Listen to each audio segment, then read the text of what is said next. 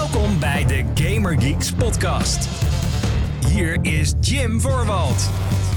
Hallo mede Gaming Geeks, wel leuk dat je luistert naar de Gaming Geeks podcast, de wekelijkse talkshow van GamingGeeks.nl, waarin ik en een medegeek je graag bijpraten over alles wat er gaan is in en rondom de gaming-industrie. Ik ben Jim, zoals je weet, en tegenover mij zit de man die inmiddels meer chippies en megabytes eh, onder zijn huid heeft stromen dan aderen. Het is Jasper Den Uyl. Hallo. Hallo. Hallo. Wat leuk Daar dat je ik. erbij bent. Wat, wat leuk dat we er mogen zijn weer. Want daar moeten we Ja. dankbaar voor zijn, dames en heren. Datum van opname is 14 december 2020. De tering, zeg ik altijd maar, naar eh, het prachtige nieuwe poëtische liedje van de Heideroosjes 2020. De tering. Want de tering, daar zitten we weer. Hè? Ja, we zitten weer in de teringzooi. De teringzooi, de lockdown. Oh mijn god. Ja, eh, ja zo'n eh, anderhalf uur geleden is inderdaad de tweede voltallige lockdown afgekondigd in Nederland. Ja, op het moment van opnemen inderdaad, ja. Is het net zeg maar... eh, eh, gaat Nederland op slot. Ja. Dus het is... Het is gewoon, eh, ja... Ik, ik word er persoonlijk een beetje... Ik bedoel, dit is geen politieke podcast natuurlijk. Dus laten we dit gedeelte ook vooral lekker kort houden. Maar ik word er zo... Ik ben inmiddels ook, zoals heel veel mensen... dat is volgens mij, die gaat ook in de dikke vandalen komen. Corona-moe. Ja. Als in mijn mentale gezondheid, het is niet meer goed voor me, zeg maar. En het is, eh, is het al een hele tijd niet. Maar ehm, het is dan zo... Gewoon, ik ben zeg maar teleurgesteld in de mensheid. Ik ben, ik ben teleurgesteld in mijn medemens. Dat we tot dit niveau hebben moeten dalen, zeg maar. Dat we nu... Ja, mee eens. Want kijk, eh, ja, zonder op te ver hierin te gaan, maar de eerste golf, daar konden we met z'n allen niet zoveel aan doen. En nu hadden we het voor, kunnen voorkomen, maar dat hebben we met z'n allen niet gedaan. Nee, precies. Het is Dus dat is een beetje het frustrerende momenteel. En dat is eigenlijk heel averechts, want je zou juist denken dat hè, wij als gamergeeks, hè, wij zouden dat fantastisch moeten vinden. Met z'n allen Ja. opgesloten zitten. Heerlijk. Nee man, ik wil weg. Wij zijn het, wij zijn het nu ook zat, weet je Ja. wel, na negen maanden. Als, als, je, als je nu gamergeeks hoort klagen over het feit dat we opgesloten moeten zitten in het najaar, nou dan weet je echt dat het, eh, dat, dan gaat het te ver. Eh, verder Ja. wil ik je van harte uitnodigen om eh, voortaan, eh, ja, we, hebben het hier normaal nooit over. Normaal gaat het over videogames. En als je dat een beetje leuk vindt, dan wil ik je dus bij deze uitnodigen om je te abonneren op deze show. Dat kan via je favoriete podcastdienst, zoals Google Podcast, Apple Podcast en natuurlijk Spotify, waar we overigens. En dan wil ik iedereen die naar deze show luistert, maakt eigenlijk niet uit waar je naar deze show luistert. Maar met name op Spotify hebben we een topjaar gehad. Eh, er is weer dat hele Spotify Wrapped en zo is het, eh, is het, is het eh, weet je al, is, is weer geweest. Dat betekent dat iedereen een soort van jaaroverzichtje krijgt van, nou deze artiest heb je het meest geluisterd. En. Wie stond er bij jou bovenin, Jim? Qua artiesten, volgens mij de 1975 eh, heb ik het Oeh, meest naar lekker. geluisterd. Ja, ja Lekker. fantastisch album. Ehm, maar dat krijg je dus ook als podcastmaker, krijg je dat ook als je bij Spotify zit. En ja, gewoon het dubbele aantal luisteraars ten opzichte van, het, van vorig jaar. Dus bedankt. En eh, spread the word, zou ik zeggen. Abonneer op de show. Eh, en dat kan dus op Spotify, maar dus ook waar je maar naar deze show luistert. Want eh wordt sowieso gewaardeerd. Een videoversie, die is ook te vinden op youtube.com slash.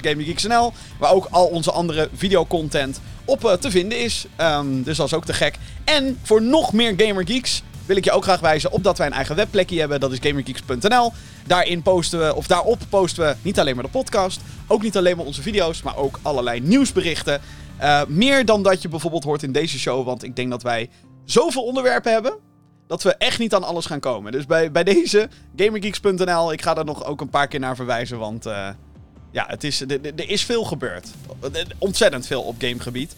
En daar gaan we het natuurlijk ook in deze show over hebben. Zijn er verder nog eh, closing comments eh, die jij eh, wil meegeven, Jeppie? die een beetje buiten het spectrum van waar we het verder over gaan hebben, die, je- die je kwijt wil? Ehm, Nee. nou ja, ik hoop dat iedereen gezond is die dit luistert. Ja. En ik hoop dat je vandaag een fijne dag hebt. Kijk. Of geappt gehad. Ja. Ah. Nou, wat, wat, wat lief allemaal, jongens. Ja, we moeten even positief beginnen Dat is waar. we naar Dat, het dat, negatief daar, heb je, he, daar heb je helemaal... Want dat- die negativiteit die gaat er komen, hoor. Verdomme. Ja, De ja. playlist. Ehm, ja, de playlist. Wat hebben we allemaal gespeeld deze week? Nou, eh... ja, wa- Klein spelletje. waarom, heb ik, waarom heb ik deze tune überhaupt ingestart? Want het gaat natuurlijk maar om één ding. Cyberpunk 2077. You're breathtaking. Yeah. Yeah. Yeah. Yeah! Yeah! Misschien heb je het inderdaad meegekregen. Dat er deze week een spelletje is uitgekomen. Van een eh, nou, kleine ontwikkelstudio. Ze zitten volgens mij ergens in Polen. Volgens mij zijn ze best wel sympathiek. Eh, CD Projekt Red, zo heten ze. Hebben ooit, weet ik veel, The Witcher. Eh, alleen maar voor nerds is dat. Ze hebben die nieuwe game uitgebracht. Cyberpunk 2077. Niet alleen maar hebben wij het natuurlijk gespeeld als eh, zeer betrouwbare en professionele journalistieke instantie. We hebben zelf de nerds, we hebben zelf de nerds. Eh, en, eh, ehm, eh, maar er is ook eh, heel wat nieuws eh, gebeurd rondom Cyberpunk 2077. Je zou denken, joh, de, de game is uit. Maar er is veel meer gebeurd dan dat. Jeppie, dit was een week waar, waarvan ook de vaste luisteraars van deze show weten. Hier heb jij je zo erg op verheugd. Ik bedoel, je was niet alleen maar corona-moe. Je was ook uitstelmoe. Je was klaar met het wachten. Je, je bent drie keer achter elkaar Oh man, mijn hart was gebroken elke keer als ik dat gele vlak weer zag op Twitter. op Twitter. Ja, ja. Oh man, ja, degene die eh, Cyberpunk een beetje gevolgd hebben, die kennen dat gele vlak wel. Dat was, eh, ja, er kwam er van de week weer eentje en dat was ook niet, eh ja. niet best. Ik denk dat we daar zo meteen ongetwijfeld eh, op, Ja. gaan, eh, op gaan komen. Maar Het was jij een beetje GTST deze week rondom Cyberpunk. Ja. En, ja, ja, ik bedoel, wij zijn ook samen naar een Cyberpunk presentatie geweest vorig jaar op Gamescom. En daar kwamen we met z'n tweeën ook wel echt heel erg hyped uit.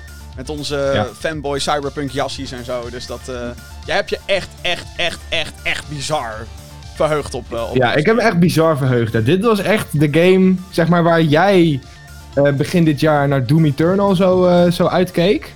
Dat was bij mij echt volop Cyberpunk. Het was ja. Cyberpunk. Dat was your breathtaking. Ja, ja, wa- ja. ja, was het maar zo. Want Oh, ja, hij kwam oh, dus afgelopen oh. donderdag kwam die uit. Oh, wacht, oh, wacht, oh, wacht eens even. Oh, oh, oh. Oh, oh, oké. Eh, eh, Ja, oké, oké. even situatie neerzetten. Wat is. Cyberpunk 2077? V- Mocht je onder een steen geleefd hebben de afgelopen eh, pak een beetje twee jaar. Open world game, gemaakt dus door de mensen achter The Witcher 3. Althans, ook Witcher 1 en 2. Maar goed, 3, dat is zeg maar hun mainstream doorbraak is dat geweest als studio zijnde.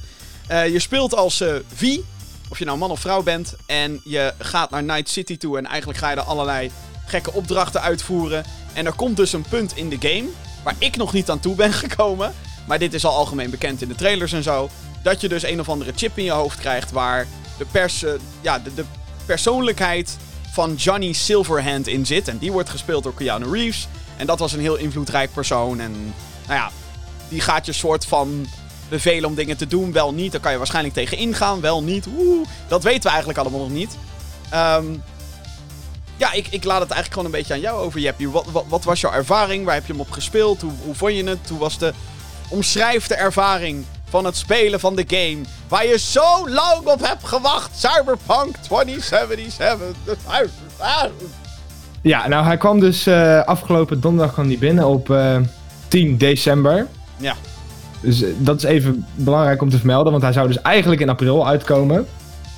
Maar dus nu, hoe, hoeveel maanden is dat? Eh, acht maanden later. Nee, acht. Zes voor mij nou. Acht maanden later is hij dan eindelijk. En zoals je van mij gewend bent, als er een game komt die ik heel erg hyped voor ben. Het komt niet heel vaak voor dat ik echt heel erg hyped ben voor iets. Dat was voor Sea of Thieves, dat was voor Star Wars Battlefront 2. En het is nu dus voor Cyberpunk. Star Wars Jedi Fallen Order. Star Wars Jedi Fallen Order, inderdaad ook zo eentje. Star Wars Dan zit ik echt letterlijk naast het raam. En aan de andere kant van het raam is de, eh, de, de eh, postbus. Dus dan zit ik letterlijk gewoon de hele dag naast dat raam te wachten. Totdat ik de soort- postbode eindelijk zie aankomen. Een soort puppy die wacht om te blaffen naar, Ja, naar de maar echt. Maar echt, zo zat ik er echt bij. Ehm, ja, eh, het is dus een hele grote open world eh, adventure, ac- action adventure game. En eh, ik was heel erg hyped nadat wij dus op, op, op Gamescom waren geweest. Dus ehm, ik speel hem overigens op PlayStation 5. Ik heb hier een Oh. PlayStation 4 hoesje, maar ik speel hem op PlayStation 5. Oh. Ehm, en het begon voor mij al een beetje. eh, en het begon bij op het moment dat ik de disc in mijn PS5 deed. Oké. Ehm, want eh, het is algemeen bekend dat de PlayStation 4 op een gegeven moment na zoveel jaar ging eh, klinken als een soort spaceship wat aan het ging opstijgen. Nou, de PlayStation 5 was er echt niks bij. Ehm, er zitten twee diskjes in de hoes. Er zit één, er zit nu in mijn PlayStation, die heb ik hier niet. En een, eh een datadisk. Ja, Volgens mij heb jij die ook, hè? eh, nou, nou, ja, ik heb de PC-versie. Dus dat is gewoon... Hier heb je een code, veel plezier ermee. Ah. Eh, maar het was wel zo dat bij The Last of Us Part 2... hey, bruggetje, voor straks. hey, snap je hem? hey, hey. Te vroeg bruggetje, Jim, te vroeg. Ja, oké. Oh ja, hashtag te vroeg. eh too soon. Maar die had ook twee discs. Daar had je inderdaad ook een installatiedisc en een playdisc. Dat klinkt inderdaad... Vroeger hadden we dat ook. Als een computerspelletje op Windows 98 zo groot was, dan kreeg je ook Ja. twee cd'tjes. Een installatie-cd Nou, en een play-cd. eh, dat ik de fysieke versie van Battlefront 1 van EA had gekocht. EA. Uit 2015. En daar zitten vier discs in. Voor PC? Voor PC, ja. Ah, klinkt ergens wel logisch. Als dat allemaal dvd's zijn. Ja. Nou ja, klinkt... klinkt Ja. Eh, maar goed, ik, ik ging dat ding dus installeren. Het duurde 40 minuten, die eerste disc. en hij was dus echt... serieus, mijn PlayStation PlayStation 5 staat op zolder. Ik kon hem beneden horen blazen. Zo hard was hij aan het ronddraaien. Dus ik had er zoiets van, oh jee. Dit kan niet goed zijn als zometeen die game opstart, jongen. En dan ontploft die. Maar gelukkig was dat niet het geval. Ehm, dus na een uur te installeren kon ik hem eindelijk opstarten. Updates ook eroverheen, bla bla bla. Ja. Updates eroverheen. Wat denk je? Moest Jesper gaan werken. Dus, nou. ik heb, Oh, ik heb op, eh, op launch day niet gespeeld. Maar afgelopen zaterdag had ik dan eindelijk de kans om even flink te spelen. Ik heb nu, nou flink, ik heb nu vier uurtjes erin zitten. En ehm, ja, ik ben nog steeds eigenlijk wel lyrisch over deze game. Maar wel wat minder dan dat ik eerst was. Ehm, en dat komt vooral omdat al het gezeik eromheen. En daar gaan we het zo meteen nog even over hebben, denk ik. Mhm, zeker, ja. Ehm, dat gezeik. verpest voor mij een beetje de ervaring die ik nu met, met deze game heb. Oh, jij, jij laat jouw gameervaring, laat jij... eh, Ja, omdat ik heel erg bang ben om door te spelen. Oh. Ehm, mocht je het niet hebben meegekregen deze week. eh, Cyberpunk 2077 wordt getergd door bugs. Eh, zo erg dat de game vaak crasht. En zeker op de basisconsole van de vorige generatie, dus de PlayStation 4 en de Xbox One, nou ja, praktisch onspeelbaar is. Ehm, als in, hij crasht om de haverklap en je komt eigenlijk niet verder. Jij hebt, jij Ehm, hebt crashes gehad op PS5 ook. Ik heb dus nog geen crashes gehad, Oh, maar ik ken oh. ook mensen die ook een PlayStation 5 hebben en wel een crash hebben gehad. Meerdere zelfs. Dus ehm, kijk, ik, ik zit nu vier uur in de game. Ik vind het echt te gek. Er zijn dingen waarvan ik heb. Hmm, dat had beter gekunnen. Onder andere het, het rijden in je auto vind ik heel kut, eigenlijk. Eh, ja, die, die auto die voelt zo glijderig aan. Eh, Ja. Of eh, slippery, zeg Ja, maar. ja, ja, dat, dat, je, eh, dat je één keer aan het stuur jakt en het is meteen alsof je Exact, en je zit in de vangrail, zeg maar. ja. Ehm, dus ik, dat vind ik dan jammer. Ik vind de skill tree veel te groot. En veel te useless, eigenlijk. Ehm, ik, ik ben nu specifiek op zoek in die skill tree naar echte eh, abilities om te unlocken. Want de meeste dingen in je skill tree zijn eh, plus 2% eh, crit damage. Plus 2% crit chance. Plus 4 damage op je pistol. Oh, ik ben zo blij dat je dit zegt. Ik ben zo blij. Ik had exact hetzelfde. Ik heb echt zoiets van, waar de fuck doe ik deze skill tree voor? Want Het is zo boring. het is zo boring, zeg maar. Kijk, als je elke keer nieuwe abilities kan unlocken, zoals bijvoorbeeld eh, in Marvel Spider-Man, Miles Morales, eh dan kun je elke keer nieuwe abilities unlocken. Dan heb je ook zoiets van, oké, vet, ik heb nu echt iets unlocked, weet je wel. Ja. Ik voel me nu nog sterker. En dat heb ik gewoon niet in Cyberpunk. Ik heb echt zoiets van, ja, elke keer als ik dat pop-up icoontje zie van level up, dan heb ik zoiets van, ah fuck, moet ik weer die fucking skill tree in? Ja, ik heb er helemaal geen zin in. het voelt zeker in het begin van de game voelt het als, eh, alsof het eh, nog helemaal geen consequentie heeft dat je le- levelt. Behalve dat je bepaalde items op een gegeven moment kan gaan gebruiken. Want ik heb dan wel eh, nu al een paar armorstukken opgepakt.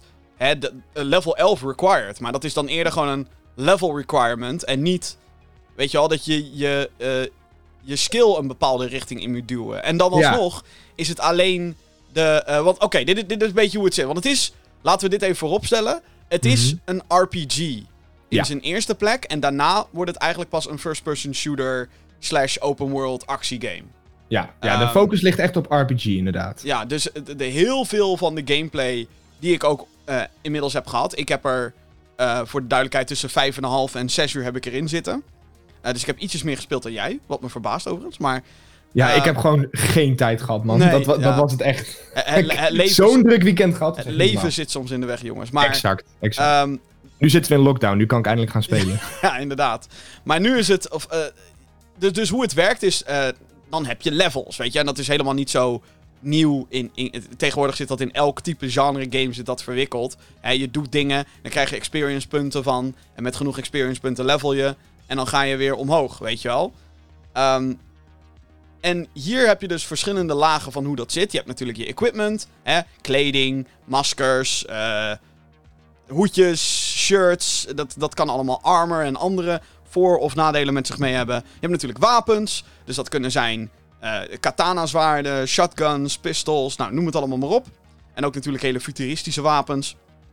Ehm, en je hebt dan je level. En op het moment dat je levelt, kan je dus een punt steken in een van jouw attributen. Dus dat kan zijn bijvoorbeeld body. Nou, dat is eigenlijk gewoon strength in andere RPG-games. Dus hoe meer body, hoe meer health je hebt. En hoe meer je met eh, eh, eh, bijvoorbeeld deuren open kan maken in- de wereld. Dat je ze gewoon kan open forceren. En dan heb je bijvoorbeeld, wat daar tegenover weer staat, is bijvoorbeeld ehm, eh, intelligence of, of, of technical skill, zeg maar. Dus dan kan je Mhm. makkelijker computers hacken. Want hacken is een best wel groot onderdeel in deze game. Eh, en ik denk dat het hacken een beetje een combinatie is dus, tussen hoe het hacken werkt in Fallout, voor degenen die dat gespeeld hebben, Fallout 4. En hoe het werkt in eh, Watch Dogs een beetje, met camera's die je kan hacken en dat soort Mm, dingen. ja. En dat je bijvoorbeeld granaten af kan laten gaan of vijanden kan afleiden en dat soort dingen. Maar ik vind het hacken wel echt tof. Ik Ja. ben ook, ook nu in die skill tree juist aan het focussen op die, eh, die tech abilities. Omdat ik juist eh, het hacken eigenlijk beter vind werken dan de combat. ja, want... want eh, Wat je net om zei, om nog het even, is om naast een RPG ook een first-person shooter. Ja, dus om nog even mijn verhaal af te maken. Dus je moet dan... Daar kan je een punt tussen steken. Dus zeg maar je, je basis stats. Maar achter elke van die stats zitten dus een aantal skill trees inderdaad. En dat zijn je perks. Dus dat is inderdaad Ja. plus 3% damage schade met shotguns. Eh, plus 2% critical chance met rifles. Ik noem nou e- echt allemaal random dingen nu. Maar eh, eh, extra attack speed met je blades en dat soort shit allemaal. Ja, maar dit zijn wel de echte perks Oh, eh, die je de- kan unlocken. Ja, en dat klinkt fucking boring. En dat klopt. dat is het ook. Ja. ja. Ja. Maar, eh, ehm, dus ja, nee, ik vind het, vind het zeg maar heel eh, leuk dat wij een beetje dezelfde standpunten hebben. Want ik, ik voordat wij de- dit gesprek ingingen, eh, dacht ik van, oké, Jeppie is waarschijnlijk super blij met deze game. En dan ja, maar ik, dat ben ik ook. dan kom ik Want met dat wil ik dus niet zeggen. Dat is juist het gekke eigenlijk. Want ik ben heel erg tevreden met deze game. Ik vind het nog steeds te gek. Ik heb eigenlijk zoiets van: fuck deze podcast, ik ga weer Cyberpunk spelen. Ja. maar eh, het, het- ik ben nog steeds gewoon heel erg enthousiast over de game. Maar ik zie ook echt wel de problemen die dit spel heeft. Onder andere dus hè, de skill tree, de combat, die gewoon wat houterig aanvoelt. Een beetje Fallout-achtig vind ik het. Ja, het is inderdaad de, schietcombat. Ik, wa- wat ik wel heel erg waardeer in de schietcombat... is het voelt allemaal niet zo vloeiend als inderdaad... eh, eh, en dan noem ik even het voorbeeld een Doom. Oké, dan Ja. ga je inderdaad misschien maar daar ligt de focus dan ook op de combat, weet je wel? Dat is het grote verschil. Ja, en, eh, maar, ja, maar in, deze game heb je toch wel... ik bedoel, je hoofdmethode om problemen op te lossen... zal voor de meeste spelers... waarschijnlijk gewoon je geweer pakken en gaan Ja. zijn. Ja, of Ehm, dus hacken. Of hacken, ja. Maar ik, ja, ik, ik moet heel eerlijk zeggen dat ik de interface ook daarin niet super duidelijk op dit moment vind. Als in, ik snap nog niet helemaal hoe of wat. Maar ehm, wa- wat ik wel waardeer in de combat, is dat Mhm. hè, als je schiet en rondbeweegt, is het niet zo super vloeiend of zo. Het werkt wel en het is, zeg maar, adequaat. Ehm, maar wat ik wel waardeer, is de impact van wat jij met die vijanden doet. Want als je met een double barreled op iemand afloopt, zeg maar, een double-barreled shotgun. En je schiet hem vol op zijn mik. Nou, dan vliegt hij wel echt naar achter, zo'n bad guy. En het is wel zo van, "Oh, oh," dan gaat hij ook liggen en dan ligt hij even. En dan denk je, haha, bitch. Eh, en Ja. en eh, hetzelfde als je bijvoorbeeld die blades gebruikt. Ik was super verrast toen ineens ledematen eraf gingen. Een arm eraf. Bij de ander ging zijn kop eraf. En toen dacht ik, oké, dat was wel een stukje interactiviteit die ik niet had verwacht in, in het combat systeem. Wat eigenlijk Ja. best wel heel vet is. En eigenlijk aan de ene kant ook jammer dat ze daar niet wat meer mee... Al- Althans, misschien zit dat er wel in. Ik bedoel, dit zijn allemaal eerste impressies wat we nu aan het roepen zijn. Mhm. Maar ehm, ja, dus, dus bij mij was het eh, een beetje gemengd daarin. Dus ik vond, ik ben het met je eens dat de controls inderdaad niet heel erg zijn. Maar ik vind zeg maar de. Het is wel heel satisfying als je Ja. eenmaal die gasten neerhaalt. Ehm, ja, dat is ook wel zo. ik ben heel Ehm, benieuwd hoe dat straks gaat met de wat meer heavy-duty weapons. Ja. Weapons. Eh, zoals rocket launchers en zo. Even ervan uitgaan dat die erin zitten. Ik denk het wel. Ik denk het Ehm, wel. maar eh, eh, daar staat dan weer tegenover dat ik de melee combat. Hè, dus je kan met je vuisten vechten, je hebt de blades, ik noemde al een katana zwaard. Mhm. Ehm, dat is echt super basic bitch melee combat. ja. Dat ik zoiets heb van, jongens, Dying Light, vijf jaar geleden, deed dit vele malen beter. En dat was overigens ook een Poolse studio.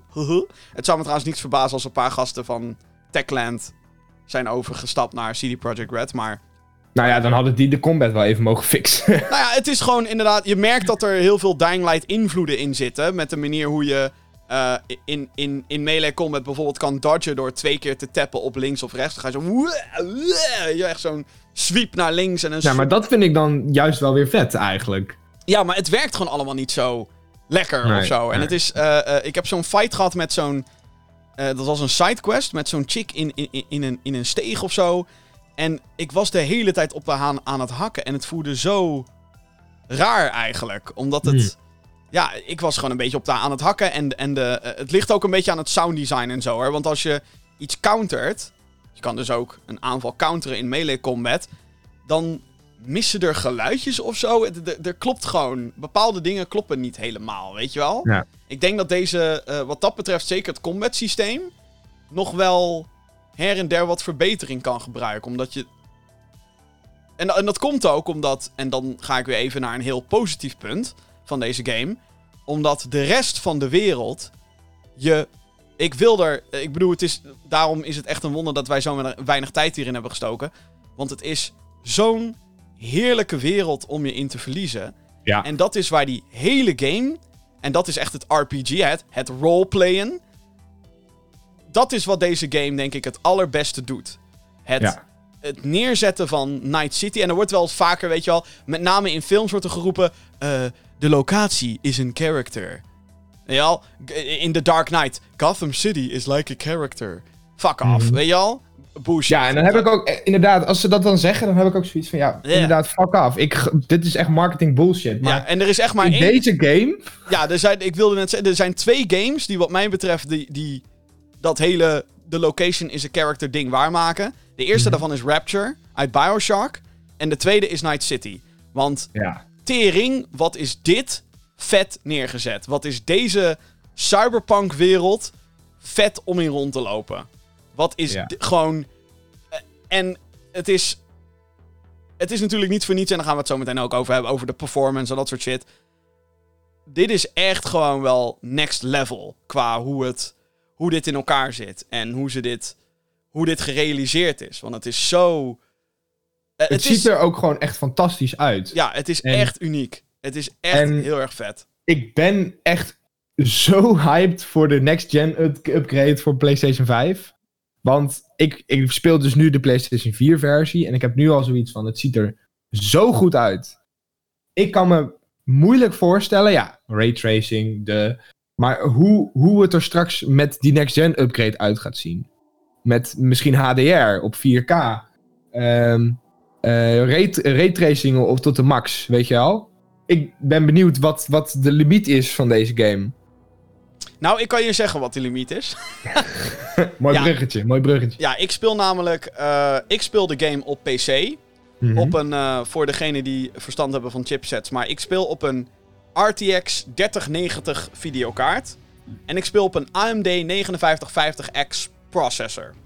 Ja. Nou, mocht je niet weten wat ik zeg, don't worry. ik zou het zelf drie jaar geleden ook niet hebben geweten wat de fuck dat allemaal betekent. Ook omdat ze toen nog niet uit waren, die chips, maar whatever. Ehm, het komt erop neer, er zijn weinig PC's die je beter kan maken dan wat ik heb, zeg maar. Ik heb een high-end PC. Ik heb een, het is gloednieuw waar ik het op draai. Het is... ehm, dit, dit is een ding wat de komende zeven jaar mee zou moeten gaan. Ja. En Cyberpunk 2077, ik heb alle settings op max. Dat wel. Zo gierig ben ik. Wel met DLSS. En wat dat betekent, DLSS staat voor Deep Learning... Iets met SS en SNS. Ehm, nog iets. Maar het is in ieder geval een AI gebeuren binnen mijn videokaart. Wat Deep. Learning Super Sampling. Dat is hem, dank je. Super sampling, juist. Even Ehm, gauw gegoogeld. ja, thanks. Ja, ik had even niet Google bij de hand. Maar ehm, de, eh, eh, wat het dus doet, is eigenlijk draait de game op een lage resolutie. Maar dankzij AI vult hij als het ware de gaatjes in. En de techniek die op dit moment, hoe dat toegepast wordt, is fucking goed gedaan. Want je Ja. ziet in vele gevallen het verschil gewoon niet. Ehm, als je deze game zonder DLSS dus wil draaien, en dat is een techniek die op dit moment alleen maar op Nvidia-kaarten aanwezig is, weet het, allemaal technisch geblablabla, allemaal bepaalde type merken chipsets en zo. Ehm, maar doe je dat niet en je gaat deze game op 4K draaien, dan kom je, kom je echt niet boven de 30 fps. Dus dan is het alsof je een, een, een, standaard console game speelt, zeg maar. Wel met alle Ja. mooie effecten intact, maar niet heel vloeiend. Nou, ik doe nu met DLSS aan. En dat brengt mij tussen de 60 en 70 frames per seconde. Dat is best vloeiend. Waar het niet dat ik op deze high-end PC toch meer performance had verwacht. Ik had toch verwacht dat hij eh, beter zou draaien. En Ja. ik zeg dat deze game ziet er prachtig uit. Echt waar. En zeker met RTX On, wat een nieuwe manier van eh, licht berekenen is, basically. En daar heb je best wel wat rekenkracht voor nodig om dat te kunnen doen. En daarom zijn er dus bepaalde videokaarten die dat kunnen. Ehm, nogmaals, heel technisch allemaal. Maar inderdaad, het is een cyberpunk-stad. Dus heel veel neonlichten moeten reflecteren op plasjes water op de grond. En als je dat allemaal aan hebt staan, is dat inderdaad fucking mooi. Dat is echt... Dan komt die stad tot leven en... Ja, ik, ik, ik, had zoiets van, wow, dit is wel... Dit maakt die techniek het waard, weet je wel. En, en eh, Mhm. het is een mooi toekomstbeeld van wat er straks allemaal hopelijk in gaat komen in, in de game en, en in de werelden en, en eh, of in games algemeen bedoel ik dan. Mhm. En ik heb natuurlijk nog niet alles ontdekt ook in Night City. Er zijn wel wat, zeg maar, wat effecten en wat dingen i- in deze game op max settings waarvan ik denk, dat ziet er niet zo mooi uit. Dat, dat stukje rook is pixelig. Dat schaduw, dat is een beetje... Ja, en dat is misschien dan die DL6 die dan niet perfect zijn werk doet, maar... Whatever, kan ik allemaal overheen kijken. De, de graphics zijn fantastisch, maar... De performance had van mij beter gekund. Want ik heb een Ja. gloednieuwe fucking PC met high-end shit. En... ehm, om dan toch te zien dat mijn PC daarmee struggelt... is teleurstellend. Want ik denk dat heel veel. Heel veel games zouden. hier geen moeite mee moeten hebben. Of althans, mijn PC zou met heel veel games geen moeite moeten hebben. En wanneer dat het wel doet, vind ik dat altijd teleurstellend. Ik draai Doom Eternal op 250 frames per seconde. Op ultra settings. En ik weet het, dat heeft geen RTX on. En dat is een super flexibele engine. Bla bla bla bla bla. I get it. Ehm, maar dit is echt het niveautje. En het is al heel vaak vergeleken met Crysis. Can it run Crysis? Zo'n game is dit. Dit is zo'n game die jouw computer of wat voor hardware je dan ook keihard op de proef gaat eh, stellen. Dus verwacht Ja. niet dat dit. Dat je inderdaad alles zomaar. Hup, alles op ultra, alles op max, alles op. Je zou echt wel moeten gaan tweaken. Wil je dit echt lekker speelbaar maken en, en goed maken? Dus dat is wel een waarschuwing die ik heb. Ehm, Ja, ik heb wel het idee ehm, dat dat heel erg ligt aan de optimalisatie. ja, ik ook. Want Ja. eh, deze game is voor hoeveel platforms? Zo zes platforms nu uitgekomen. Voor PlayStation 4, PlayStation 5, Xbox One, Xbox Series X. Oh, en eh, Xbox Series S ook. Ja. Eh, Stadia en PC. Ja. En volgens, als we de berichten moeten geloven, draait hij op Stadia nu het beste. Nou, ligt eraan welke PC je pakt, hè, denk ik dan. Ik denk dat... eh, ik weet zeker dat mijn PC Stadia verslaat. 100%. Want dit zijn de max settings. Ja, oké, dat is Dit, waar. dit Dat is waar. zijn... Dit, en- Maar voor de, voor de normale consumer, die niet Oh ja. zoveel geld uitgeeft aan een PC. Nou, als je puur en alleen naar console-platforms kijkt... en Stadia is eigenlijk ook geen console-platform... dus dat maakt het meteen Mhm. lastig om, om die vergelijking te halen. Maar als je inderdaad gaat kijken naar niet-PC... dan is Stadia op dit moment... Ja. Schijnt... Ik heb het zelf niet geprobeerd... Ik ook niet. Maar dat schijnt de beste optie te zijn. Wat heel ironisch is aangezien eh, nou, ik het afgelopen jaar lekker veel heb lopen bitchen op Stadia. Mhm. Ehm, maar ja, hoe grappig is dat dan? Want... ehm, Ja, hij draait niet op PS4. er, is, er is het een en ander aan de hand. Ehm, en het begon eigenlijk al bij de, het reviewproces van deze game. En hebben we het vorige week hebben we dat al eventjes aangekaart in de podcast. Omdat toen al soort van bekend... Toen waren de eerste reviews waren toen net uit. CD Projekt Red heeft echt een hele, hele, hele, hele, hele grote fout begaan als het gaat om marketing. Als het gaat om hun reputatie. En als het gaat om gewoonweg het releasen van de game. En... ehm voordat... Ja, waar moet je met zoiets beginnen? Kijk, de...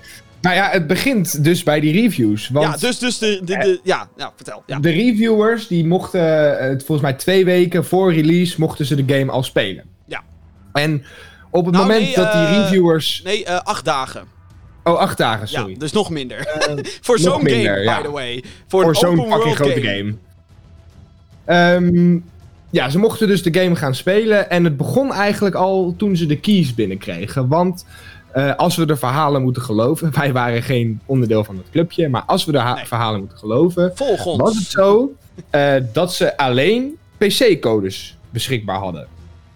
Eh, dus de reviewers mochten letterlijk alleen de game op PC spelen. Ze zeiden van ja, ehm, de console-versies die moeten nog een patch krijgen. Eh, dus die keys komen pas later, maar je mag hem nu wel op PC spelen. Ja. Oké, vreemd. Eh, dus, oké, prima. Eh, vervolgens moesten dus die reviewers ook een NDA tekenen. Dat is een soort contract waarin je afspreekt met zo'n developer en publisher wat je naar buiten brengt en wat niet. Ja, een, een non-disclosure agreement. Dat houdt in, in, in principe houdt het in dat, ehm, ja, dat je inderdaad niet gaat voorlopen op de concurrentie en dat je geen dingen laat zien die je niet mag laten zien. Ja. Exact, exact. Ehm, en daar stond in eh, dat de reviewers geen eigen gameplay mochten gebruiken in hun reviews. Die twee dagen voor release uit mochten komen. Wat stond ook in die, in die NDA. Maar ze mochten dus geen eh, eigen gameplay gebruiken. Nee, ze, ze kregen gameplay meegestuurd. Dat was geen gameplay, dat was gewoon letterlijk de trailers. Cinematic footage, ja. En exact. eh, en die mogen jullie gebruiken in de reviews. Die dus twee dagen voor release uit mogen komen. Ja. Ja, en dat is gewoon heel gek. Want, Nou ja, oké, kijk, ik, denk dat wij, dus... ik, ik denk dat wij allebei ook denk ik al een aanleiding hebben waarom dat gek is. Want de, het commentaar van heel veel reviewers was toen ook meteen, en we kunnen het meteen even hebben hoe onze ervaring daarmee was, is dat Mhm. de game in, op vele fronten fantastisch is. Nou, die hebben wij ook al benoemd. De stad is geweldig, de atmosfeer, de gameplay is zeg maar leuk genoeg. En, en ik denk dat we ook kunnen zeggen over de storyline op dit moment dat wij... Nou, we, we zijn Ja. allebei net begonnen met spelen, maar ik heb ik zoiets ben van... invested. Ja, ik wil gewoon alles weten van elk character, zeg maar. Dat, dat, Ja, eh, ja. dat, dat is, het is van, eh, geweldig. Ehm, maar eh, waar ik ook zeker tegenaan ben gelopen, zijn bugs. En sommige, de meeste van deze bugs zijn grafische glitches.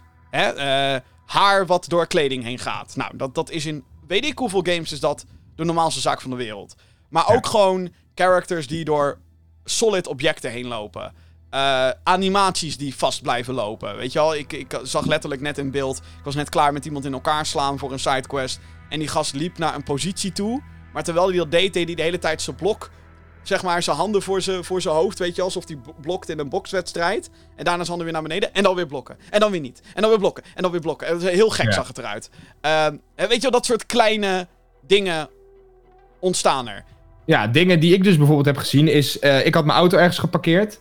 En Ja. er was gewoon een auto die gewoon dwars door mijn auto heen reed. Oh ja, ik had, ik had, ik had ook een grafische eh, bug. Dat is ook grappig. Eh, ik had ergens in een steegje had ik gevochten.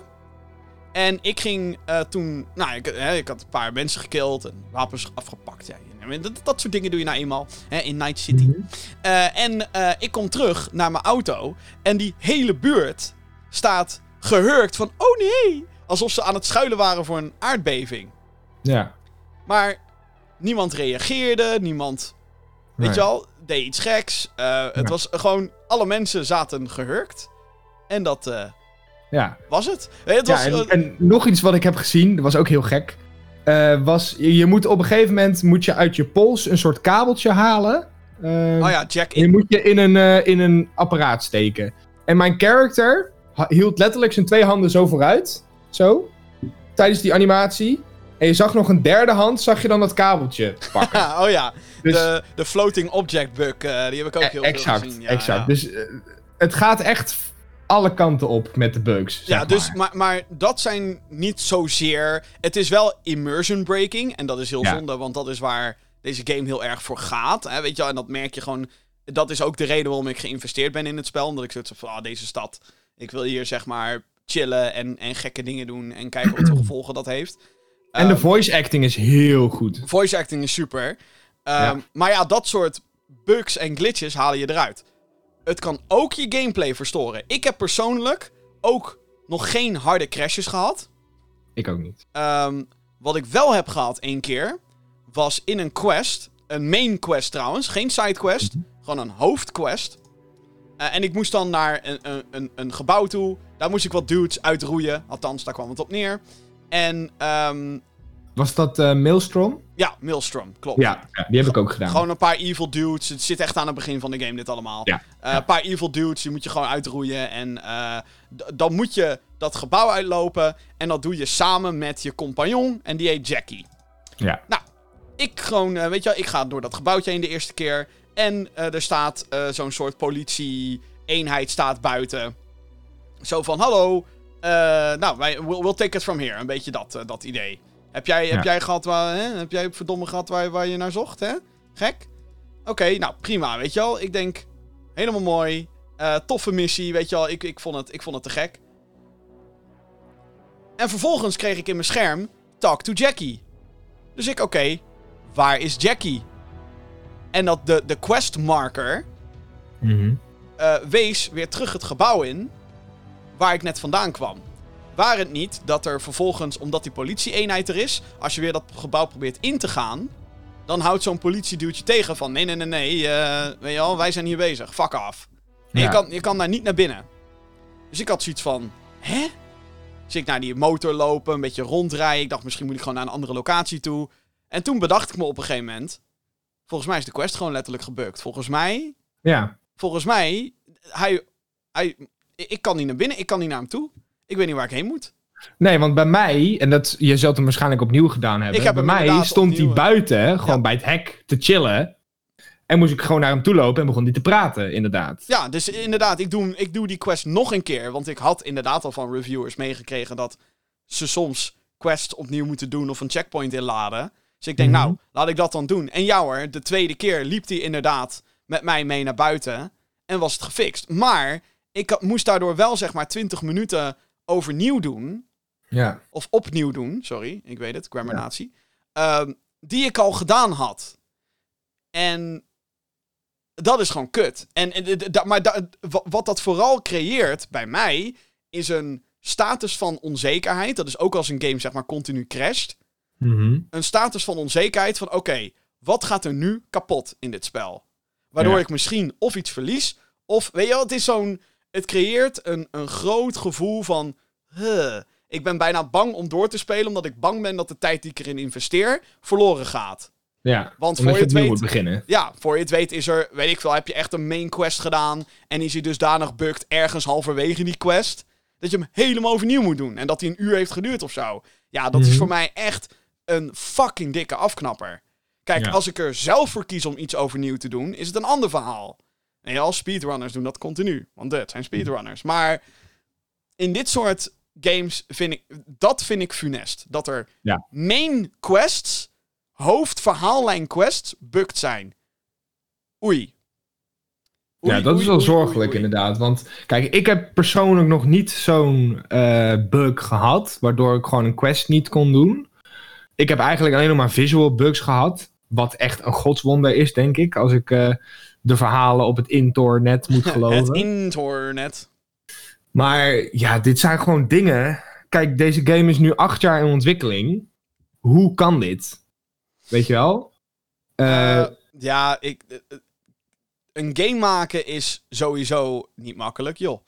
nee, nee, dat is waar. Maar ik denk dat een project zoals deze is helemaal, zeg maar, dat is next Ja. level ambitie. Ehm, dus het, het verbaast me ook niet, in die zin, dat er, dat, dat er eh, zeker visuele glitches, dan denk ik, ja, wel, ik bedoel... Ja, maar daar kan ik wel doorheen kijken, weet je wel. Dat... Oké, het breekt even de immersie. En ik lach er vaak ook even om. Van, moet je nou kijken wat Ja, hier nou weer fucking gebeurt. Ja. Maar dan ga ik weer door, weet je wel. Dan draai ik me om en dan zie ik die bug niet meer. En dan ga ik gewoon door met het spel. Maar inderdaad, als je een quest overnieuw moet doen... dat is gewoon echt funest voor je ervaring. Want daardoor wordt het gewoon frustrerend. Zeker als het een missie is die best wel moeilijk is. Ja, als je die ineens overnieuw moet gaan doen door iets wat de game creëert... Ja, dan zou ik in ieder geval snel klaar zijn met zo'n spel. Ja, dus waar, waar een deel van de review-controverse dus inderdaad al vandaan komt, is dat je niet dat soort dingen mag laten zien. Eh, want, ja, je mag je eigen footage niet gebruiken. Nee, Dus nee. een dag van tevoren, voor, een dag voordat de game uitkwam, mochten reviewers wel hun, eh, hun gameplay laten zien. Waardoor Ja. er al dus al een aantal YouTubers waren die zoiets hadden van, ja, weet je, dan ben ik maar niet de eerste met een review, dan wacht ik gewoon een dag. Oké. Mhm. Maar wat nog extra aan de controverse, eh, ehm, of aan de huidige controverse meespeelt, is wat jij inderdaad al benoemde. Ze kregen alleen PC-code. En console-code kregen mensen een dag van tevoren.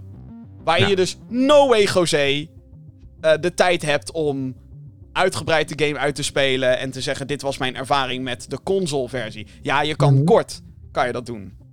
En zelfs dat heeft ze geen windeieren gelegd. Want toen er eenmaal beelden uitkwamen van hoe de game draait op PS4 en Xbox One S, Mhm. dus zeg maar de basis.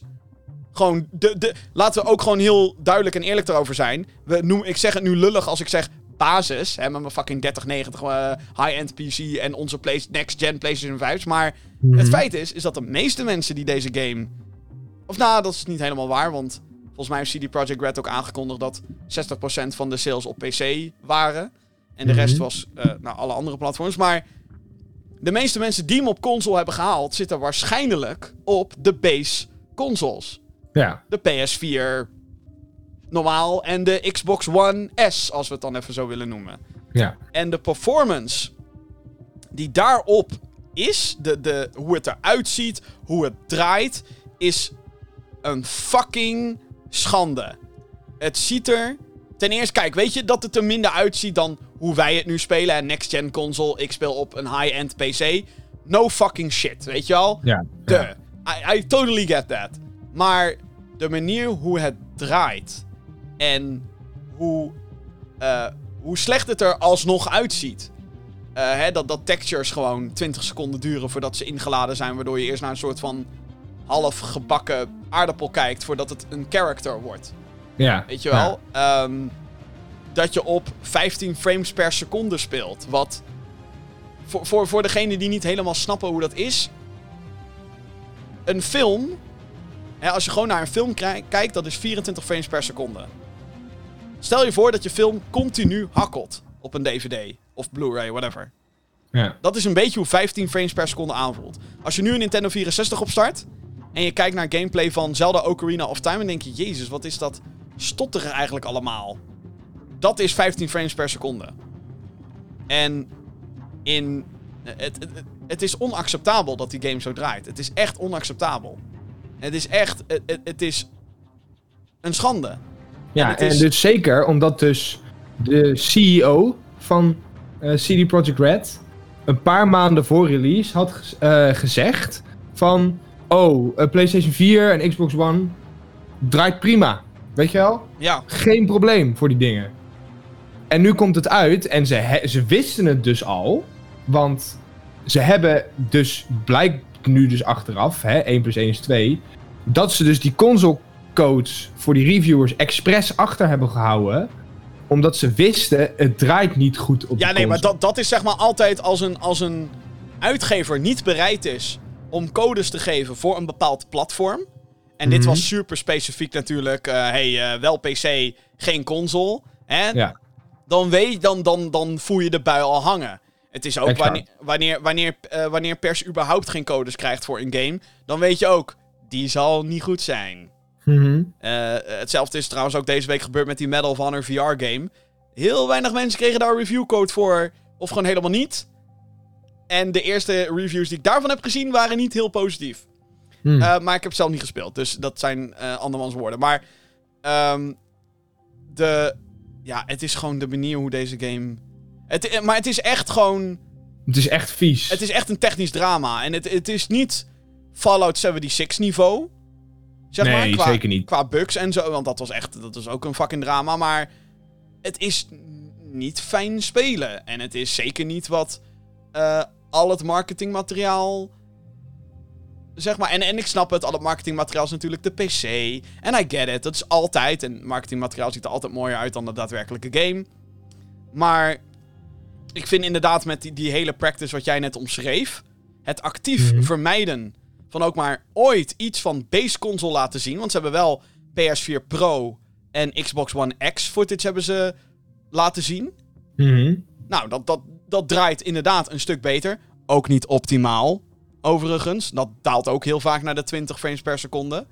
Ehm, en dat haalt ook de 4K natuurlijk nooit Nee. op, die, op die consoles. eh, resolutie. Ehm, en het is... En, maar, maar de base consoles hebben ze dus nooit laten zien. En nu weten we allemaal waarom. Omdat het gewoon... Er fucking niet Omdat het gewoon niet draait. het draait gewoon voor geen fucking meter. En het is. Nee. ehm, het is heel grappig hoe sommige mensen dit dan. Het, is weer heel interessant om te zien hoe het internet hier inderdaad op reageert. Want ik ben pissed off en ik speel hem op PC, weet je wel? Ja.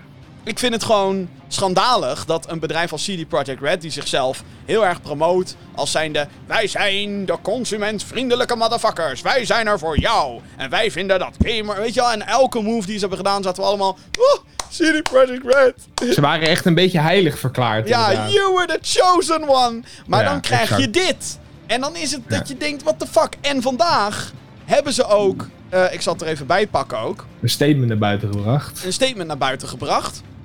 Omtrent dus deze controverse. Want, want laten we ook gewoon heel eerlijk zijn. En dat bedoelde ik met het internet reageert er weer op.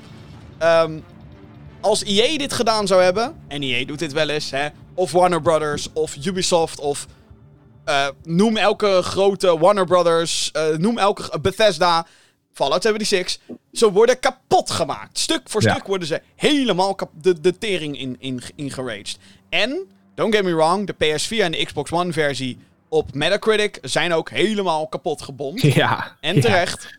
Ehm, maar, maar er zijn ook genoeg mensen die het gaan zitten verdedigen. En die, Ja. eh, of mensen, en ik heb er ook eentje op mijn Twitter gehad, die zei... eh, sorry hoor, maar PC Master Race. Dat is geen fucking excuus waarom een PS4-versie zo kut draait. Dat is geen excuus, want het ligt wel gewoon in de winkel. Je verwacht op zijn minst een speelbare game. Anyway, dus ik vind, het, eh, eh, ik, ik vind het geweldig dat er ook op CD... En ik vind het aan de ene kant ook teleurstellend, want hè, you were the chosen one. It was said that you would destroy the Sith, not join them. CD Projekt Red. Vandaag hebben ze dit statement naar buiten gebracht. Ik lees het even gewoon voor in het Engels als het er is. Ja. Dear gamers, first of all, we would like to start by apologizing to you for not showing the game on base last gen consoles before it premiered, and in consequence, not allowing you allowing you to make a more informed decision about your purchase. We should have paid more attention to making it play better on PlayStation 4 and Xbox One. Second, we will fix bugs and crashes and improve the overall experience. The first round of updates has just been released. Hele kleine fixes zijn dat. Um, and the next one is coming within the next seven days. Expect more, as we will update frequently whenever new improvements are ready. Nou, dan hebben ze het over eentje in januari. Nummer twee, eh, volgende patch in februari daarna. Ehm, en dat gaat de meeste problemen fixen. Ehm, they won't make the game look. Of, uh, they won't make the game on last gen look like it's running on a high-spec PC or next-gen console, but it will be closer to that experience than it is now. Finally, we would always like to, uh, ev- everyone who buys our games to be satisfied with their purchase. We would appreciate it if you would give us a chance. But if you are not pleased with the game on your console and don't want to wait for updates, you can opt to refund your copy. Nou, dan kan je een refund systeem hebben ze dan over, bla bla bla bla bla. Humbly, en dan de grote piefjes van CD Projekt Red de namen. PS, PC gamers will also be getting regular updates and fixes improving the game. En Dit is eigenlijk gewoon één grote damage control. ja, Is dit. na, na, na, na heel veel. eh, eh, ineens wa- was de praise voor CD Projekt Red er weer na dit, na dit bericht. Want, oh, kijk eens hoe goed ze zijn. Want ze geven ons refunds. Fucking right! Want ze weten ook donders goed dat als iemand een rechtszaak gaat aanspannen, zoals bij Fallout 76, van yo, deze game is fucking onspeelbaar. Het is niet wat je hebt gemarket. Dit is fucking. Je hebt nooit wat laten zien van deze versie. Juri- juridisch gezien winnen zij die battle niet. In Amerika althans niet. En. ik eh, denk hier in Nederland ook niet. Nee, denk ik ook niet. En als ze echt good guys CD Projekt Red waren, dan hadden ze inderdaad van tevoren die beslissing genomen. En het is niet zo van, oh, we hadden het achteraf. Fuck jou, je hebt het actief vermeden. Je hebt actief vermeden om het over de PlayStation en de Xbox te hebben. Actief de hele fucking tijd. Terwijl je Ja. weet, ook donders goed, dat daar ook miljoenen pre-orders vandaan zijn gekomen. Dat de, ik bedoel, de PlayStation 4 is 120 miljoen keer over de toonbank gegaan. Je weet donders goed dat daar heel veel publiek zit die dat wil spelen. En die jouw ex. En, en, en, dan ze, en sommigen zeggen dan ook: ja, maar ze geven wel een gratis upgrade. Fucking right, ja. Ze- het is niet alsof zij de enige zijn die dat doen, hè, jongens. Kom nou. En. Ik, ik vind het eigenlijk een soort van. Ik bedoel, ik vind het een hele mooie feature, zeg, zeg maar. Dat smart delivery en dat gratis next-gen upgrades. Maar ik vind het aan de ene kant denk ik ook wel weer van... Ja, no shit, de. Je hebt toch al betaald voor die game? Waarom zou ik godverdomme nog een keer... Ja, Ja. de remasters, de remasters. Nou, blij dat we daar vanaf zijn, heel eerlijk. Maar met, met deze generatie hopen we. Ehm, maar, maar, ja, dit- het, het, het, het is zo disappointing. Het is echt gewoon... ehm, Good Guy CD Projekt Red is gewoon one of them. En dit hele, inderdaad wat je zei, damage control statement. Dit hele, oeh, we hadden het beter moeten weten. Ja, dat zeg je achteraf.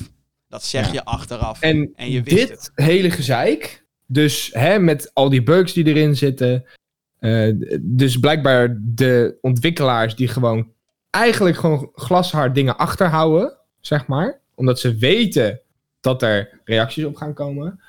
Dat verpest gewoon een beetje voor mij de experience, omdat ik zoiets heb van, ik speel nu die PlayStation 4 versie. De kans dat er grote bugs komen is heel groot. Wil ik dat mijn, mijn ervaring laten verpesten? En daarom ben ik ook nog niet super ver in die game. Omdat ik dus ook zoiets heb van ja, eigenlijk. Want dat zei ik voordat we aan de podcast begonnen eh, tegen jou. Deze game had uitgesteld moeten worden.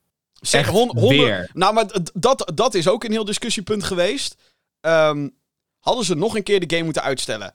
Ja. Ik ben van mening 100%. Maar dat hadden ze niet voor 10 december moeten doen. Dat hadden ze in november moeten doen. Toen hadden Ja. ze eigenlijk het eh, de inzicht moeten hebben. Toen hadden ze naar alle versies van de game moeten kijken. En toen hadden ze eigenlijk al moeten zeggen: Jongens, laat gewoon heel eerlijk zijn. De game is af. Hij is inderdaad speelbaar. Eh, maar het is te buggy en nog niet genoeg op geoptimaliseerd. Gewoon, laat desnoods wat footage zien. Ik weet het, dat is marketing-wise is dat big no-no. Maar hey, Mhm. ze zijn zo transparant en bla bla bla, beweren ze de hele tijd. En ze hadden gewoon moeten zeggen, februari 2021. Ja, het is kut, maar het is niet anders. Of, wat ze hadden moeten doen, jongens, het is heel kut wat we nu gaan doen. Maar, PC, december, consoles, februari 2021. Ja. Eigenlijk wel. Dat Ja. hadden ze ook kunnen doen. En dan had de PC-versie nu nog steeds natuurlijk die bugs gehad en bla bla bla bla. Maar met een high-end PC, moet ik er wel bij zeggen, kan die prima draaien. Als je, Ja. Zeker als je bereid bent om wat settings terug te schroeven en dat soort shit. Ja. Het kan wel. En het heeft allemaal bugs en zo, bla bla bla. Whatever. Maar het is niet de onspeelbare tyfuszooi Nee. die de consoleversies zijn op dit moment. En het, eh, ik denk dat dat de beste beslissing was geweest. Nee. En dan zijn er mensen die zeggen, ja, maar ze kregen doodsbedreigingen. Ten eerste, het feit dat dat überhaupt gebeurt als er een game wordt uitgesteld, is te triest voor woorden. En Hmm. iedereen, letterlijk iedereen, die iemand met de dood bedreigt via internet, hou op. Ga van het internet af. Laat mensen met rust. En zeker als het gaat om het uitstellen van een fucking videogame. Ik neem games heel serieus. Maar doodsbedreigingen kan de fuck aan. Ben Ja. je helemaal van de pot gerukt. Daar staan we niet achter, nee. Dat is compleet belachelijk. Zeker omdat het uitstellen van een game vaak gedaan wordt om de game beter te maken. En eh, ik denk ook niet dat, CD Projekt, dat dat de reden is geweest voor CD Projekt Red om het uit... Althans, ik hoop het niet dat dat de reden is geweest. Uit angst voor doodsbedreigingen. Dat is wat sommige mensen roepen. Ik mag toch hopen van niet. Ehm, nee, dat geloof ik ook niet, eigenlijk. Ik denk wel dat het een investeerdersding is geweest. Ja.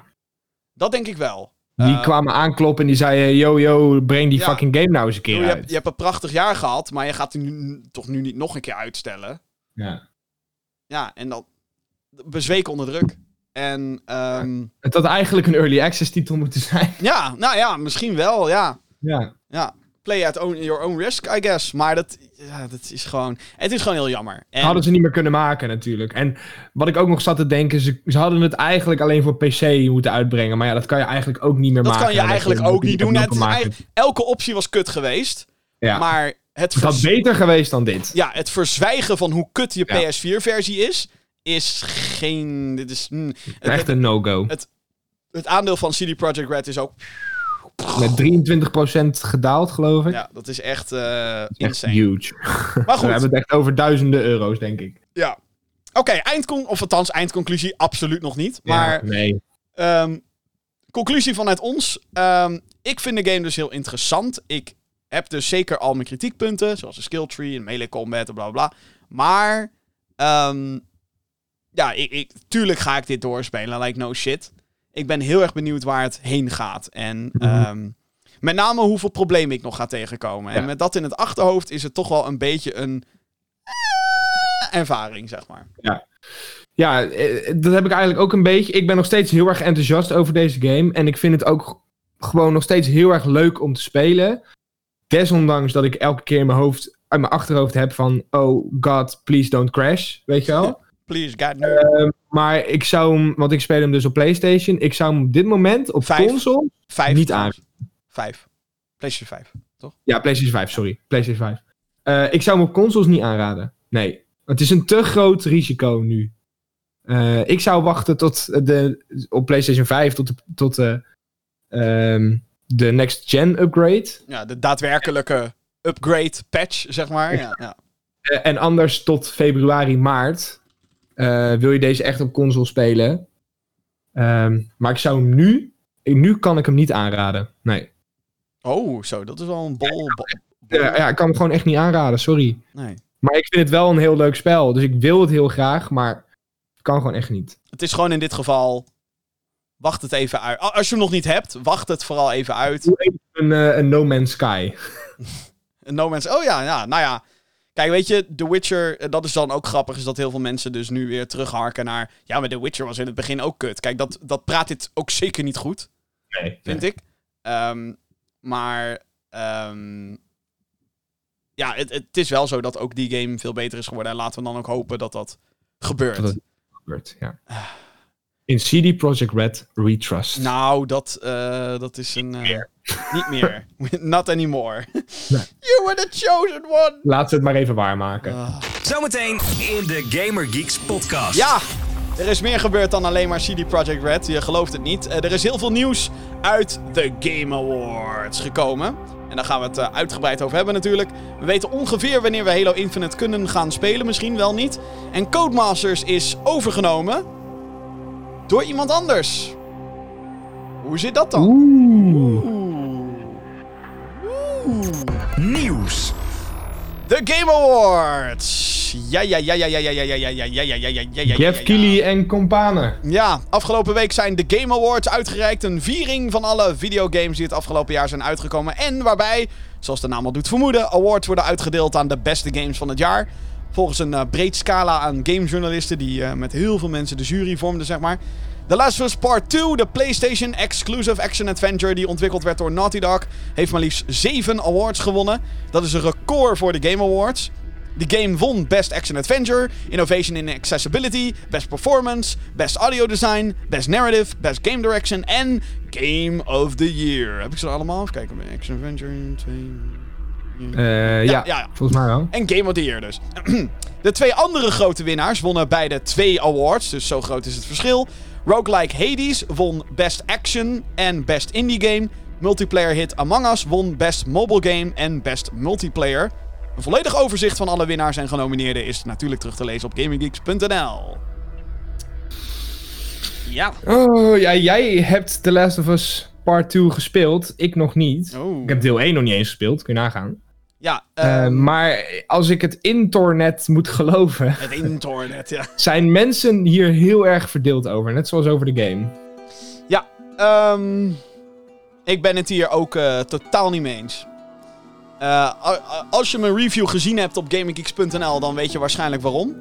En zo niet, check mijn hele review op gaminggeeks.nl ja, van The Last of Us Part 2. Spoilervrij is hij trouwens, dus je hoeft niet bang te zijn dat ik shit verklap.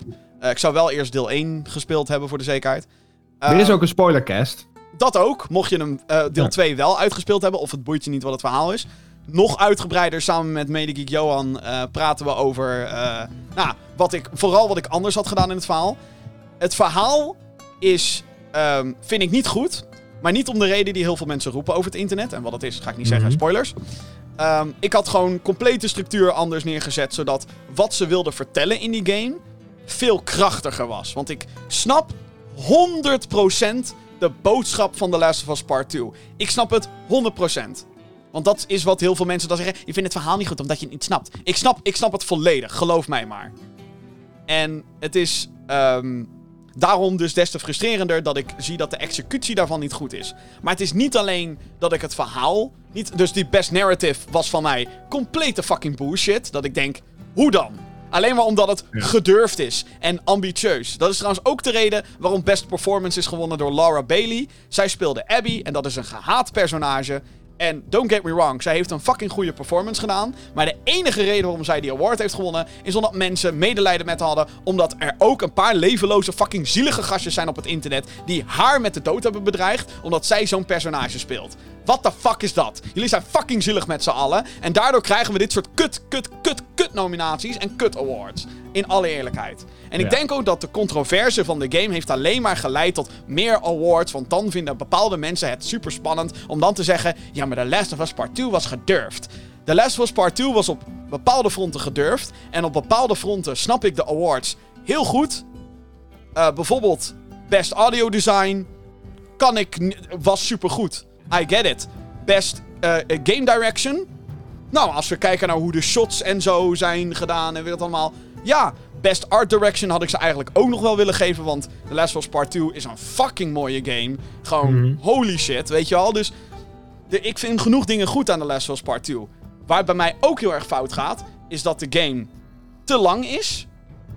Fucking boring wordt op een gegeven moment qua gameplay. En dat het personage waar het over gaat, en dit is dan misschien weer een verhaaldingetje. Maar het personage waar het over gaat, wordt niet meegenomen in het hoofdplot van de wereld. Waardoor Ja. haar verhaal en wat de rest van de characters doen, compleet. Nou ja, goed, ik, ik wil daar niet verder. Maar het is zo'n rommel, deze game. Het is echt Ja. een rommel. En ik Het denk is, dat gewoon een, het is gewoon een slecht geschreven verhaal. Daar het is komt een slecht geschreven verhaal, maar de gameplay leidt er ook onder. Want op een gegeven moment komt er Ja. een moment in de game dat de game, zonder te spoilen, maar het drukt op een soort reset-knop. Maar verandert qua gameplay helemaal niet. Dus dan Ja. zit je zo van, waarom? Waarom? En het is, Dus daarom is het mensen- zo gek dat hij dus Best Narrative gewonnen heeft en Game of the Year. Game of the Year is echt, ik vind, ik vind dat... Terwijl er dus ook heel eerlijk, veel betere opties tussen stonden. Tussen zeker Game of the Year. Ja, Ghost of Tsushima was genomineerd. Doom Eternal was genomineerd. Animal Crossing was genomineerd. Hades was genomineerd. Final Fantasy VII Remake was de laatste andere genomineerde. Kijk, ik snap heel goed. En kijk, dit is Doom fanboy. Ik had natuurlijk heel graag gewild dat Doom Eternal Ja. eh, had gewonnen. Ik vind, ik vind Hades fantastisch, maar ik vind dat Doom Eternal... He got robbed. Als het gaat om Ja. best action. Want als één game de beste actie had dit jaar... was het fucking Doom Eternal. Dus... Mhm. Nee, ik bedoel, ik gun Hades zoveel awards, maar Doom, Doom heeft er nul. Ook Ja. niet Best Music, dat ging weer naar Final Fantasy. Doom Eternal heeft nul awards. Fucking schande. Ori and the Will of the Wisps, nul awards. Fucking schande. Ja. Star Wars Jedi Fallen Order, nul awards. Sorry, ook schande. Eén nominatie. Eén nominatie, Eén nominatie. Ehm, en, en tuurlijk, weet je, je kan niet iedereen satisfyen en zo. Maar The Last of Us Part 2 specifiek. Ik vind niet dat hij zo'n winning streak heeft verdiend. Omdat er gewoon hele obvious issues zijn met deze game. Op gameplayfront, op verhaalfront. En ehm, ik denk dat sommige dingen. Kijk, tuurlijk, iedereen heeft een mening. En hoe belangrijk je dingen vindt. En bla bla bla bla bla. Maar het feit dat er zoveel soort van oneenigheid is over deze game. En dat Ja, die zoveel dan... controverse. Ja. Ja, en, en, en, en geloof mij maar, is dat het echt niet alleen maar de kritieken. En dat is helaas hoe het internet dingen nou eenmaal bekijkt. Het is zwart of wit. Of je vond in, in, in wanneer kwam die game uit? Juni? Of je vond in juni Zoiets. The Last of Us Part 2 een 10 out of 10. Of het was voor jou een 0 out of 10. En je kon er nooit tussen zitten. Ik zat ertussen. En ja, ik vind het geen, absoluut geen 10 out of 10. Ik vind echt... Ik zou met iedereen in discussie willen gaan die die game een 10 out of 10 gegeven heeft. Echt iedereen. I don't care. Kom maar op. Als je dit hoort en je bent toevallig een gamejournalist en je hebt die game een 10 out of 10 gegeven, kom erop. Waarom in godsnaam? Want ik snap je echt niet. En ik vind niet dat je dan kritisch genoeg kijkt naar, naar hoe andere games dingen doen. Want dan heb ik zoiets van, kijk even naar Ghost of Tsushima. Had Ghost of Tsushima het meest revolutionaire verhaal en net zo gedurfd als die van The Last of Us Part 2? Nee.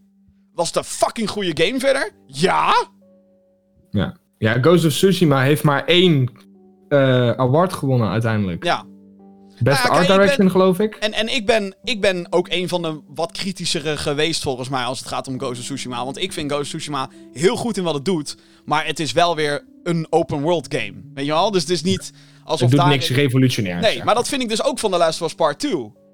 Het doet niks revolutionairs. Ja, de graphics zijn, en dat blijf ik zeggen, de graphics van The Last of Us Part 2 zijn fucking next level. Voor PS4. Nu hebben we dus inmiddels weer Cyberpunk en zo, maar en Ghost of Tsushima gehad, die ook prachtig is, ook voor PS4. Ehm, Mhm. En het is toch een beetje appels met peren. Blijft het altijd een beetje met dit soort dingen natuurlijk, maar Last of Us Part 2 was echt qua tech gewoon, weet je al? Maar er zijn zoveel dingen die je kan aanmerken op The Last of Us Part 2. En dit klinkt alsof ik fucking arrogant ben en denk dat ik alles weet. Maar ik weet zeker dat heel veel mensen die dan een 10 out of 10 hebben. Nogmaals, daarom Mhm. daag ik je uit. Eh, eh, maar heel veel mensen die die game een 10 out of 10 geven, kunnen echt geen debat met mij winnen. Als het gaat om die game. Ja. En ligt er natuurlijk ook aan wat jouw perceptie is van een 10 out of 10. Maar is The Last of Us Part 2 een van de beste games van de PS4? Op technisch vlak misschien. Maar op allerlei andere vlakken? Nee. Nee, sorry. Nee. Vind ik van niet. Nee. En, en ik vind dat The Last of Us Part 1 gewoon op alle fronten beter is. Echt op alle fronten. Behalve natuurlijk de graphics. Huh. Maar Ja, ik moet ze dus eh, allebei nog gaan spelen. Dus eh, ik ben heel erg benieuwd. En, en het is niet dat ik nu. ehm, het, het- hiermee wil ik overigens niet zeggen. Ga niet The Last of Us Part 2 spelen. Want, wat ik al zei, er zitten ook heel veel toffe elementen in die Ja. game.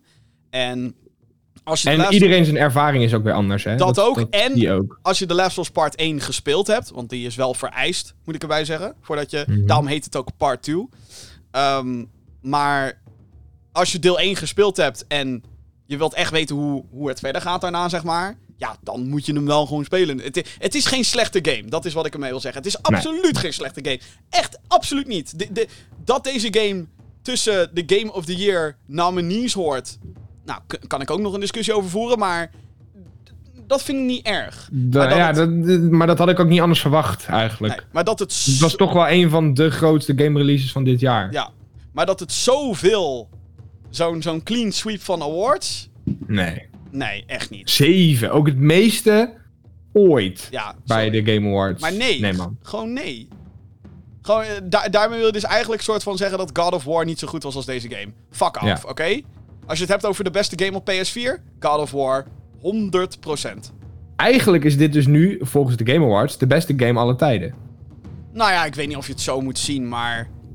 ja, het, Of tenminste van de laatste 15 jaar. Nee, hoe lang doen ze het nou? 8 jaar? eh, ja, 7, 8 jaar, ja. Dus van de laatste 8 jaar is dit de beste game. Nou ja, dat vind ik dus kut. Dat het uitgerekend Ja. deze game is die, al, die, die, die, die dan Ja. zo'n record moet breken. Dat vind ik een beetje... Goed. Sorry, dat Er zijn ook nog leuke dingen gebeurd bij de Game Oh ja. Awards, Jim. Zeker, ja. Het moest... Voordat het weer enig hol met negativiteit wordt. Ik vind, nee, maar ja, ik blijf erbij. Ik vind de Us Part 2 leuk, maar niet zo goed als, eh, als dat menig eh, eh, gamejournalist denkt. Ja. Overigens zijn er natuurlijk ook kritische journalisten geweest, maar whatever. Fight me, zeg ik nogmaals. Want ik vind discussiëren over dit soort shit vind ik hartstikke leuk namelijk. Ja. Het had ook leuk geweest dat het mij had gekund, maar ik heb gewoon de game niet gespeeld. Nee. Ja. Nou ja, Sorry. kijk, kijk. En, di- en dit wil ik ze wel nageven. Wat ik een victory vind voor... En dat vind ik heel tof aan The Last of Us Part 2. Is dat we dus Mhm. inmiddels op een punt zijn gekomen in, in, in gaming. eh, als het gaat om verhaal en hoe dat op ons overkomt en hoe dat gestructureerd is. Dat soort discussies konden we tien jaar geleden echt nog niet hebben over videogame plots. En dat we dat nee. nu wel hebben. Dat we nu The Last of Us Part 2 kunnen, uit elkaar kunnen halen en analyseren. Zoals we dat bijvoorbeeld ook met Star Wars de afgelopen vijf jaar hebben gedaan. Vind ik dus fantastisch. Want dat betekent dat we een stap verder zijn gekomen. En wat dat betreft vind ik wel dat... eh, en dat, dat heeft The Last of Us 1 heeft dat vooral voor elkaar gekregen, vind ik. Mhm. En nou, wat ik zei, twee heel ambitieus. Didn't hit the mark for me. Oké. Ja. Eh, wat had ik het over? Oh ja, nieuws. Ander nieuws. Perfect Dark. Oh ja, Perfect Dark. Nou ja zeg. Je, je, Ja. Je spoilt de boel al, joh. Ja. Gekke man. Eh, de geruchten waren er al even, maar eh, het is dus waar. Zo bleek tijdens de Game Awards. Er komt een nieuwe Perfect Dark game. Oorspronkelijk ontwikkeld voor de Nintendo 64 tijdens de hoogtijdagen van ontwikkelstudio Rare. Toen verscheen Perfect Dark, een spiritueel vervolg op de hit GoldenEye. Eh een vervolg stond eigenlijk ook al in de planning na Perfect Dark Zero. Maar dat was de- dan weer een prequel voor de Xbox 360. En die deed het niet zo goed. En sindsdien is er eigenlijk niks met het IP gedaan. Microsoft Studio The Initiative, een relatief nieuwe studio onder Xbox Game Studios. En bestaande uit een scala aan veteranen. Met onder andere oud Rockstar en Naughty Dog medewerkers. Eh, die heeft eh, eh, het eerste project aangekondigd. En dat is dus Perfect Dark. Veel is er nog niet over bekend overigens. De game is in een vroege ontwikkelingsfase. En in de trailer, die dus voor het eerst getoond werd tijdens de Game Awards, is een wereld te zien dat flink te lijden heeft door, nou ja, pollution. En je gaat dus weer spelen als eh, Joanna Dark. Dat kwam aan het eind van die trailer. Eh, de game komt eh, een keer uit voor Xbox Series S, X en de PC. Want dat is hoe Xbox rolt. Ja, ik heb de originele Perfect Dark niet gespeeld. Ehm, maar ik moet zeggen, dit, die trailer, zag er goed uit. Het was You een got my interest. Nou ja, ik zat zo te kijken naar die trailer en ik zat zo, oh ja, weer zo'n bedrijf wat hun ambitieuze game gaat en whatever. Weet je, ik zat echt zo, dat weet ik nog wel. Ik zat de Game Awards kijken, zei, ja, whatever, Mhm. eh, whatever. En toen ineens, blah, Agent Dark. En ik, wat? Gewoon ineens dat moment, wat? Dit is fucking Perfect Dark? Heel eerlijk, ik heb ook nooit Perfect Dark gespeeld. Ik weet het, boe, durf je, bah. Maar ehm, ik ken de reputatie. Ik ken de legacy. Mhm. Uh, dus wat dat betreft maakt mij dat dan ook wel weer enthousiast. En ik vind het gewoon lekker dat eindelijk Microsoft zijn IP's gebruikt. Ja, Hoe is dat het, is waar. We hebben een Battletoads game gehad dit jaar. Er komt een Perfect Dark. Er komt een Fable. Hè? En jongens, Microsoft is wakker, jongens. we weten allemaal wat dit betekent. Hè? We weten allemaal wat dit betekent. Het is nu een fucking kwestie van tijd.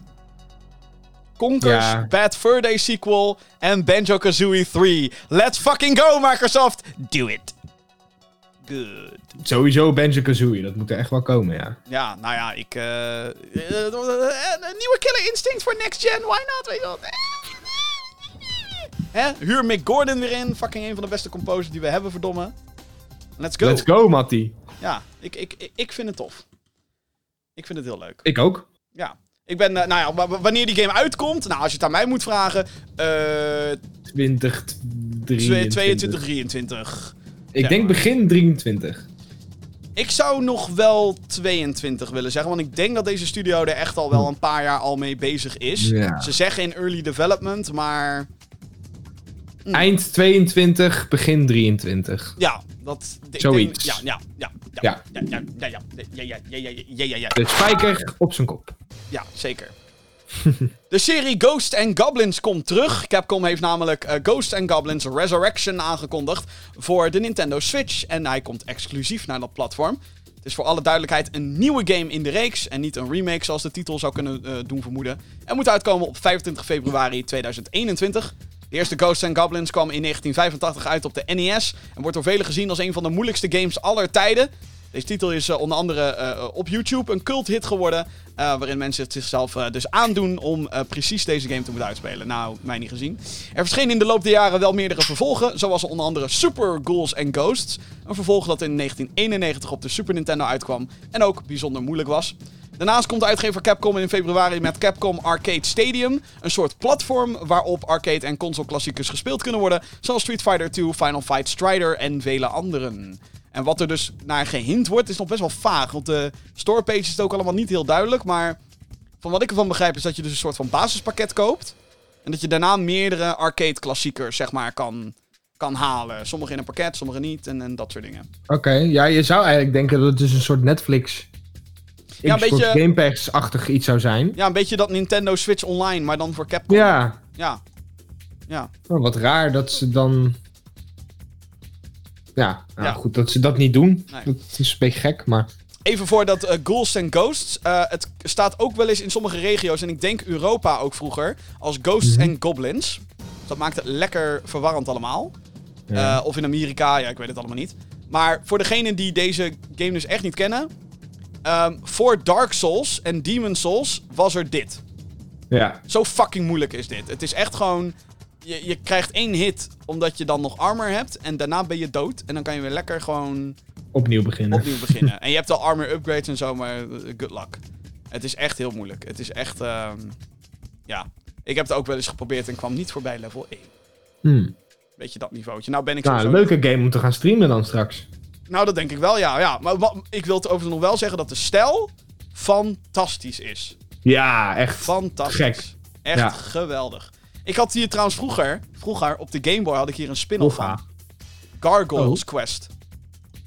En kon je die wel uitspelen? Nee, die was ook heel maar dat was, dat was een heel ander type spel. En dat vond ik toen juist cool, zeg maar. Dat die... eh, ehm, dat was ook een soort RPG, maar dan had je ook 2D levels en zo. Het was echt een... eh, ja, Oh, ja, was, was, was leuk.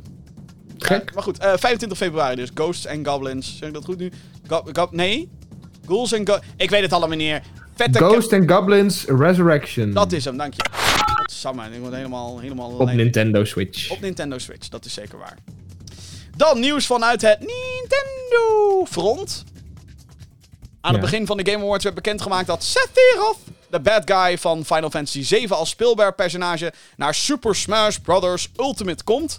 De Nintendo Switch exclusive fighter game heeft al meerdere personages als DLC gekregen en daar komt dit icoon dus bij. Sephiroth was eh, dit jaar natuurlijk ook nog te vinden in Final Fantasy 7 Remake. Zijn aardsrivaal Cloud was al aanwezig in de basisopstelling van Super Smash Bros. Ultimate. Sephiroth komt samen met een nieuw level en natuurlijk muziek eh, deze maand nog beschikbaar in de game. Dus deze eh, maand release die nog. Sephiroth!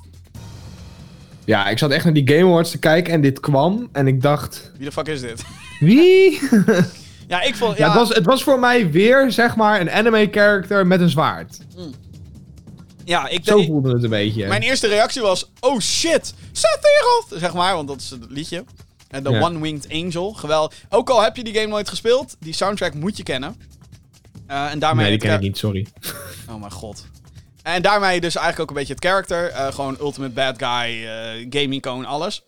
En toen bedacht ik me inderdaad, wacht even, het is gewoon weer een guy met een zwaard. Ja, wacht even, het is gewoon weer een guy met een zwaard. Oh fuck. zoveel vette opties. En dan... Ja, echt, Ja, ik, ik dacht, ik was bijna 100%, en dat was misschien een beetje dom, maar ik was bijna 100% overtuigd gewoon dat, dit, eh, dat het Crash Bandicoot zou worden. En dat ze dan ook meteen Crash Bandicoot 4 voor Switch aankondigden, weet je wel? Dat soort... eh, Ja. Ik dacht, eh, bijna, ik dacht, dat is perfect, weet je wel? Crash Bandicoot 4 komt naar Switch. En dan heb je Crash Bandicoot. Wow, weet je wel? Gewoon indie game, hoe vet is dat? Weet je wel? Ah. Ja. nee, Nou ja, en er zijn nog heel veel meer opties voor een Smash Fighter. zeker. Maar dat had we inderdaad wel een logische move geweest. Ja. Wie, zou, wie zou jij er nog echt in willen hebben in, eh, in, eh, in Smash? We weten inmiddels dat de grenzen, zeg maar, eh, ja, zijn bijna eindeloos. Aangezien Ja. Banjo-Kazooie er ook in zitten. Nou ja, ik zou het dus echt heel lauw vinden als bijvoorbeeld iemand als Master Chief erin zou komen. Ja, ja die komt dan Of- naar Fortnite. Of eh, Doom Guy. Oh. Fuck it. The Mandalorian. maar dat is van origine geen game character, hè? nee, dat is eh, waar, dat is waar. Eh, ik, ik had er nog één bedacht, maar ik weet het eigenlijk niet meer. Oh. Hmm, Waluigi, zegt het Intor net dan. ja, maar Geen- die zit al in de game. Ja, geen idee wat voor moveset je die guy Alleen niet eh, playable. Geen idee ook wat, wat, wat, wat ik al zei. Geen idee wat voor moveset je die guy zou moeten geven. Want wat, wat, wat Oh ja, kan... Ze kunnen Cal Kestis er wel in doen trouwens. Eh, dat kan wel. Ja, Ja. dat kan wel. Zeker. Dat, eh, ik weet ook niet of dat dan geldt, weet je wel. Maar Hmm, waarschijnlijk niet populair genoeg. jammer is dat, hè? Ja. Nee, Ja, ja, ik zou denken Master Chief eigenlijk. Want Gewoon- Steve, Steve eh, van Minecraft zit erin. Minecraft is inmiddels ook van Microsoft. ja, dat is... Waarom, waarom Master Chief niet? Nee, inderdaad, Microsoft. Of Nintendo. Nintendo en Microsoft, allebei. verdomme. Kom op jongens. Ik vind dat Ori erin moet. Over een like character. Ja, maar dat is ook niet populair Nee, dat weet ik. Maar daarom juist. Ah, fuck it, joh. Ori. Ja, of oh, oh eh, Conker. Zo. Dat zou, Dat zou hem- echt heel vet zijn. Of gewoon Joanna Dark. De hele cast van Killer Instinct. Nee, ik, denk- ik denk dat we echt gewoon weer een random ass eh, Japan character krijgen. Van, Ja. Weet ik veel. Maar er moeten er nog twee komen, geloof ik, in deze Fighters Pass, toch? Ja, en dan is het klaar. Ja, dan komt er geen DLC meer. Oh, ik hoop op een... ehm, Dat zou ik dus ook heel vet vinden. Gewoon een Resident Evil character.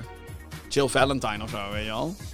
Gewoon, hier ben ik. En dan Zo, zo bland. zombies oproepen en een fucking bazooka tevoorschijn Hmm. Dat, halen. dat of Master Chief. Ik bedoel, Ja, nou, dan ga ik voor Jill Valentine. Ik zit een beetje te kijken. nee die. Meestal pakken ze Japanese Wie? Wie? uit Cyberpunk. Ja! Let's fucking go! Dan zou ik toch liever als Dex eh, in die game willen zien, zeg maar. Smo- Dexter, ja. Down B is dan Smoke Cigar. Weet je al? ja. Nee, Ori, jongens, Ori. ja. Gewoon de hele de, de, de mensen die nog missen uit Street Fighter. Er gewoon Of, of gewoon, gewoon fucking random as een Fall Guy. Het zou wel Dat zou, zijn. maar dat zou ik oprecht wel lauw vinden. Dat hij het ook met kroontjes kan gooien en zo. Ja. Ja. Ik zie dat op zich wel gebeuren eigenlijk, maar... Ik weet niet of Fall Guys daar populair genoeg voor is. Nou, populair wel. Of, of dat zeg maar meteen legit is om in een Smash character. eh, Ja. eh, Ja. ja. Nou goed. ehm, misschien wel een van deze characters. Nee. Eh, De ontwikkelaar Turtle Rock en uitgever Warner Brothers hebben hun nieuwe titel Back for Blood onthuld. De studio kan je kennen van Left 4 Dead en Evolve. Dat is namelijk wat ze gemaakt hebben. Left 4 Dead, groot succes. Evolve. Ja. eh, Evolve was Left 4 Dead, zeg maar. Ja, die, eh, die, die kan je niet meer spelen letterlijk, want het is niet meer online. Nee. Eh, met deze Ik- titel, eh, Back for Blood, dus maken ze in feite Left 4 Dead 3, maar dan met een andere naam, omdat Valve de rechten heeft van de bekende franchise, de Left 4 Dead dus. Net zoals Left 4 Dead is Back for Blood. Huh. Een first-person co-op shooter tot vier personen. Samen, moet je door verschillende locaties heen zien te gaan en hordes van zombies overleven. Er zijn ook speciale versies van zombies die het leven zuur kunnen maken. Dit zijn equivalenten van de Boomer, Spitter en Crawler uit Left 4 Dead. In de trailer wilde de ontwikkelaar duidelijk maken dat er nu ook gigantische monsters kunnen verschijnen. Waaronder eentje die veel weg heeft van de Tyrant uit Resident Evil. Eh, die heeft zo'n grote arm waar die dingen mee kan doen. Back for Blood verschijnt 22 juni voor PC, PlayStation 4, PlayStation 5, Xbox One en Xbox Series X. Ja, ik hoop heel erg dat deze game cross, eh, crossplay gaat krijgen. Oeh, dat zou toch wel heel chill zijn, ja. Want dan, jongen, dan gaan wij dit helemaal kapot spelen, denk ik. Want ik vond persoonlijk Left 4 Dead 2 heb ik ook heel veel gespeeld. Ik heb met eh, andere geeks ook echt heel veel Left 4 Dead gespeeld. Ja. Wij, wij probeerden, eh, zowel één als twee overigens, wij probeerden echt... We hebben denk ik echt wel 50 pogingen gedaan om No Mercy. Dat is zeg maar Mhm. chapter 1, de eerste campaign. Op expert. Eh, en dat is ons nog steeds niet gelukt. En maar dat er gewoon een nieuwe, eigenlijk gewoon basically een nieuwe Left 4 Dead komt. Heerlijk. Wat ik wel jammer vind is dat het wel heel erg veel van hetzelfde is. Maar goed, misschien moeten we dan ook maar, Ja. dankbaar zijn dat er een nieuwe komt of zo. Ja, nou ja, en eh, next-gen graphics. Ja, ja het, Let's ziet, go. het ziet er best goed. Nou ja, next, ik bedoel, het komt ook naar PS4 en eh, Xbox One. En we moeten natuurlijk nog maar eh, zien hoe dat eh uit gaat Hoe het uitpakt, ja. En dat moeten we, da- daar ben ik misschien nog wel het meest benieuwd naar aankomend jaar. Hoe al die games eruit gaan zien op PS4 en dan op PS5. Weet je, hoe, Ja, hoe, hoe ja gaan je ze hebt dat het nu met Cyberpunk gezien. Het kan eh het kan, eh, misgaan. het kan dramatisch zijn, ja. ja, ja. Ja. En, en hoeveel van de last-gen ports worden gecanceld? Want dat gebeurde ook... bij- Vorige generatie gebeurde dat ook met een aantal titels. Zoals eh, Mortal Kombat eh, X. Zou ook nog naar... Nou, hebben ze uiteindelijk toch maar gecanceld. Zo van... Naar PlayStation 3. Ja, PlayStation 3 en Xbox 360. Nou, doen we niet. Ja. Ja, ja. Ja, ja, ja. snap ik ook wel. Ja, nou, het, het is een beetje... Ja, Het is een beetje dubbel. Wikken en wegen is het gewoon. Ja, ook, ook net wanneer je game gestart is met ontwikkelen en, en nou ja, waar de focus dan ligt. Oké, next up. Een van de grote verrassingen van de Game Awards was de onthulling van Ark 2. Studio Wildcard onthulde een lange trailer. Jezus Christus. Tering. Dat was niet gepland, dames en heren. Wat is dit nou weer? Eh, ik heb dus expres een paar. Oké, even voor duidelijkheid. Wij streamen deze podcast dus ook live. en dat, dat betekent dus dat als iemand via de livestream meekijkt. en in dit geval ehm, een sub doet op ons Twitch-kanaal. Dat ik. eh, hier was ik niet op voorbereid dat dit ging gebeuren. Maar Zo, thanks. ik kreeg een hartaanval. ja, jongen. ik ook. Same. Sorry. Oh, Sorry, sorry. jongen. sorry. Ik ben helemaal van mijn apropos nu ook. Oké, Ark, Ark. Overnieuw. Een van de grote verrassingen van de Game Awards was de onthulling van Ark 2. Studio Wildcard onthulde een lange trailer waarin Vin Diesel de hoofdrol speelde. Net zoals het eerste deel wordt Ark 2 een multiplayer survival sandbox game waar dino's in leven. Waar het niet dat de aanwezigheid van Diesel, van Vin Diesel, whatever, hint naar eh, verhaalgerelateerde content. Een release date voor de game weten we niet, maar we weten wel dat er in 2022 een animatieserie gebaseerd op Ark uit moet komen. Vin Diesel speelt hier ook zijn rol als Santiago in. Dat is dus het karakter wat hij speelt. Maar de rest van de cast is ook zeer indrukwekkend. Met name zoals Russell Crowe, Gerard Butler, Malcolm McDowell, Elliot Page, David Tennant en vele anderen. Ja, te gek. Toch? Ja. Nou ja, ehm, Ark was zo'n groot succes. ja, Dat nou ja, eigenlijk zoiets hebt van, dit is een hele logische stap. Ja, ik dacht dus dat Ark, dat er nog best wel wat klachten waren over Ark en hoe dat werkt. En dat ze al expansions gingen uitbrengen voordat de game überhaupt uit early access was. Dus ik weet niet of dat allemaal maar, hè, een goed idee Ja. is. Ja, dat is zo. Er, er is een hele hoop gezeik geweest, maar kijk, in, in zijn basis was... Ik heb ook wel een klein beetje Ark gespeeld. Ik vond het wel gewoon een heel erg leuke eh, multiplayer survival sandbox game, zeg maar. In zijn essentie. Ja. Alles daaromheen had beter gekund. Maar ja, daar is Ark 2 dan nu een goede, goede kans voor om dat, eh, om dat recht te zetten, zeg maar. Ja. Ja, ik ben heel benieuwd hoe het eruit gaat zien. Want het enige wat we nu hebben gezien is een eh, cinematic trailer met dus Vin Diesel. Eh, en de Ja. laatste keer dat Vin Diesel bij een game betrokken was, was Fast and Furious Crossroads. Dat is niet best. Ook aangekondigd bij de Game Awards overigens. Vorig jaar was dat dan. En ja, dat was ook best wel cringe. Want toen stond hij op het podium. Toen konden we nog met z'n allen naar een podium kijken. En Mhm. eh zat hij er wel... These are our people. Gamers! ik dacht echt, bro, fuck off gewoon. Holy shit. Fucking cringe, man. Ah. Mooi. Ja, ja, I know. Maar eh, eh, eh, ja, wanneer die dus uitkomt, geen idee. Maar ik denk dat die animatieserie dan wel een soort van... Hè? Marketing-wise zou dat prachtig zijn natuurlijk. Animatieserie, game, Ja. die cross... Tegelijkertijd release, let's go. Dat is Cools Media. Op de Game Awards zijn naast nieuwe titels ook bestaande games van een release date voorzien, dus dat is leuk. Returnal, de roguelike, gemaakt door eh, studio Housemark, bekend van Dead Nation, Alien Nation en Resogun, komt op 19 maart. De game wordt uitgegeven door PlayStation Studios en zal dus alleen beschikbaar worden op de PlayStation 5, een exclusive.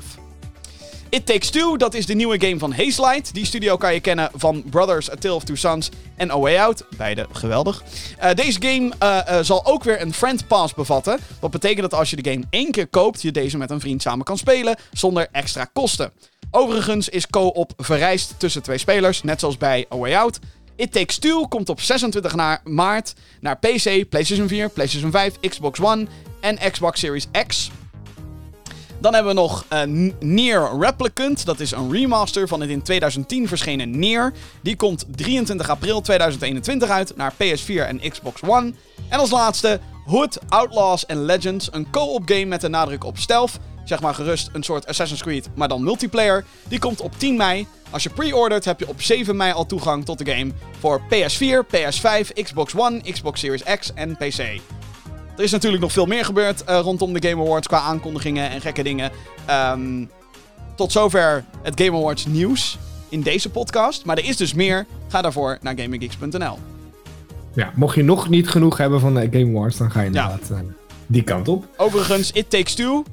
Fantastisch. Ziet Ja, dat eruit. gek. Holy shit. Helemaal fantastisch. Oh ja. man, man, man, man, man. Sowieso vond ik A Way Out geweldig. Hoe dat co-op deed. En, en eh, nou, ook dus met die Friend Pass, weet je wel. Dat dat gewoon... Hè? Je hoeft maar één keer te kopen, je kan met z'n tweeën spelen. Te gek. En dat van EA, jongens. Hoe dan? Hadden we dat verwacht? Ja. En dan nu met deze game. En het ziet er echt gewoon... Het ziet er zo creatief en sprankelend en te gek uit. Ehm, dus ja, in maart, eind maart wordt gewoon... Het nieuwe, Ja. no- het nieuwe november. Spelen die, spelen die guys van eh Hazelight weer een rol in deze game eigenlijk? Want dat speelden ze natuurlijk in eh, A Way Out wel.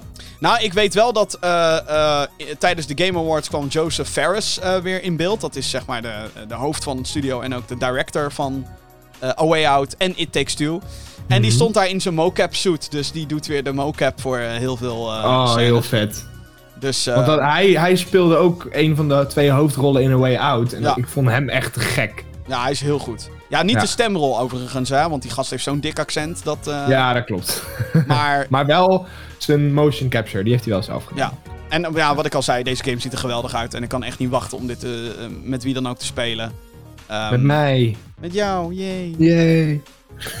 Ik heb, nou Ik weet nog wel dat wij eh, We Were Here samen gingen doen. Ja, dat ging ik- ook heel goed. ik heb nou geen vriendschap meer met Vincent, want daar heb ik A Way Out weer mee gespeeld. Ja, ja. Nou goed, eh, ik, heb, ik, ik, heb, ik heb nog geen ja gezegd, dus we zien wel. Nee, Eh, we zien wel. verder, oh, by the way, Returnal, ook heel veel zin in. Ja, ik heb dus eigenlijk ook wel zin in Outlaws and Legends. Die Eigenlijk. Hood game, ja, die multiplayer Ja. Assassin's Creed. Ja, dat lijkt me ook wel tof hoor. Ik, ik weet niet, dat, dat greep me wel op een of andere manier. Ik, ja. Ik moet nog wel even iets meer ervan zien, denk ik. Maar ja, ik wil, wat, ik wil gewoon... gewoon... wel zoiets, hier zit wel potentie in. Ja, ik wil zeg maar een hele gameplay sessie wil ik gewoon even zien. Ja, ja, precies. Want Kijk vind- hoe de loop, eh, de loop is, de gameplay loop. Want dat heb ik meestal met games van Focus Home Interactive, die uitgever. Mhm. Het is zeg maar concept, fucking vet. Trailers, fucking vet. Graphics in screenshots, fucking vet. Maar dan ga je zeg maar naar de gameplay en hoe het vloeit en hoe de animaties op elkaar aansluiten en zo. En dan zijn Mhm. heel veel games, ik zeg niet dat dat bij alles is van Focus Home Interactive. Maar bij heel veel titels denk ik dan van, ja, dit had toch echt wel gewoon beter gekund, weet je wel? Ja, ja, ja. Dus ik hoop gewoon dat dit dan eh, zo'n titel is waarvan we dan zeggen, nee, dit is gewoon goed. Ja, ja. dus... We hadden het fout vooraf. Je weet het niet.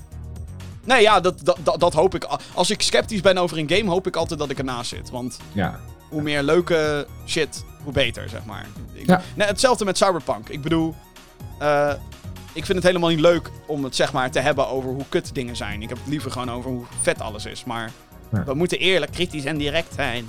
Het hoesje is heel vet. Dat is waar, ja. De Collector's Edition was ook heel vet. Unboxing op gamergeeks.nl. Mooi eh, bruggetje. Hey. Ah, dan eh, gaan we weer over naar minder goed nieuws. Oh jee, oh jee. 343 Industries en Xbox Game Studios hebben aangegeven dat Halo Infinite pas in het, najaar van 2021 gaat verschijnen. Het zesde hoofddeel in de first-person shooter franchise zou eerst dit jaar nog verschijnen, maar na kritiek op de eerste gameplaybeelden en moeilijkheden omtrent COVID-19 werd besloten de game te pushen naar volgend jaar. Dit had als gevolg dat Master Chief wel op de doos van de Xbox Series X stond, maar dat er, sorry, maar dat er geen nieuwe game met hem in de hoofdrol beschikbaar is. Dan wel was. Wanneer de game precies uitkomt, dat moet nog blijken. De multiplayer van Halo Infinite zal free-to-play worden. Ehm, wat voor het eerst is in de franchise, maar meer concrete details zijn niet bekendgemaakt. Ja, het is eigenlijk eh, een drama voor Xbox, dit. Zo dan. Het is echt de nieuwe, de nieuwe eh, GTST, is dit. Oh, ik zet hem even in.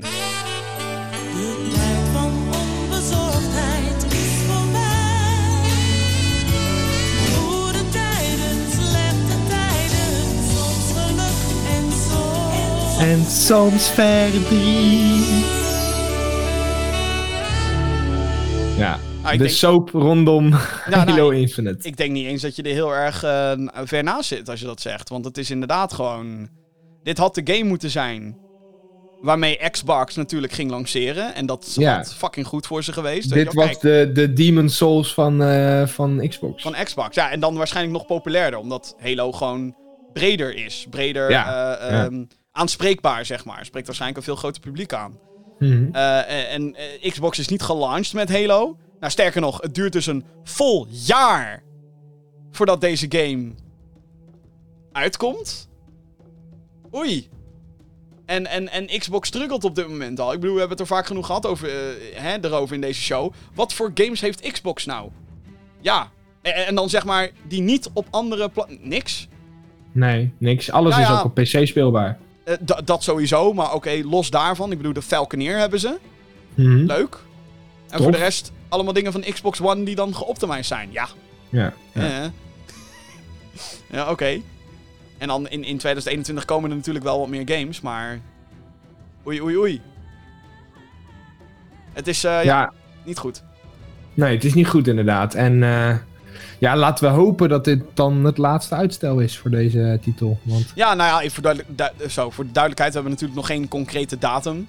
Eh, Nee. Wat denk ik ook slim is, om nu niet al hè, een exacte datum vast te pinnen, want dan... Oei, oei, oei, dan, dan, dan heb je echt een deadline. dan Eh, doe je een cyberpunk. Ja, dan doe je echt een cyberpunk. Maar de. de ja, ik, ik vind het gewoon zo, zo. Ik vind het gewoon raar. Hoe je als, als Xbox niet de planning goed op orde hebt. Dat je een grote AAA hebt binnen je Ja. eerste jaar. Want we weten nog helemaal niet hoe het zit met een andere grote first-party game. Zoals bijvoorbeeld Perfect Dark. Of Fable. Of Forza. Of... We weten het allemaal niet. Nee, Terwijl bij, een beetje onduidelijk. ja, terwijl bij PlayStation beginnen nu al wat. Hè? Eh, hè, Ratchet Clank, nou die komt in de eerste helft, jongens.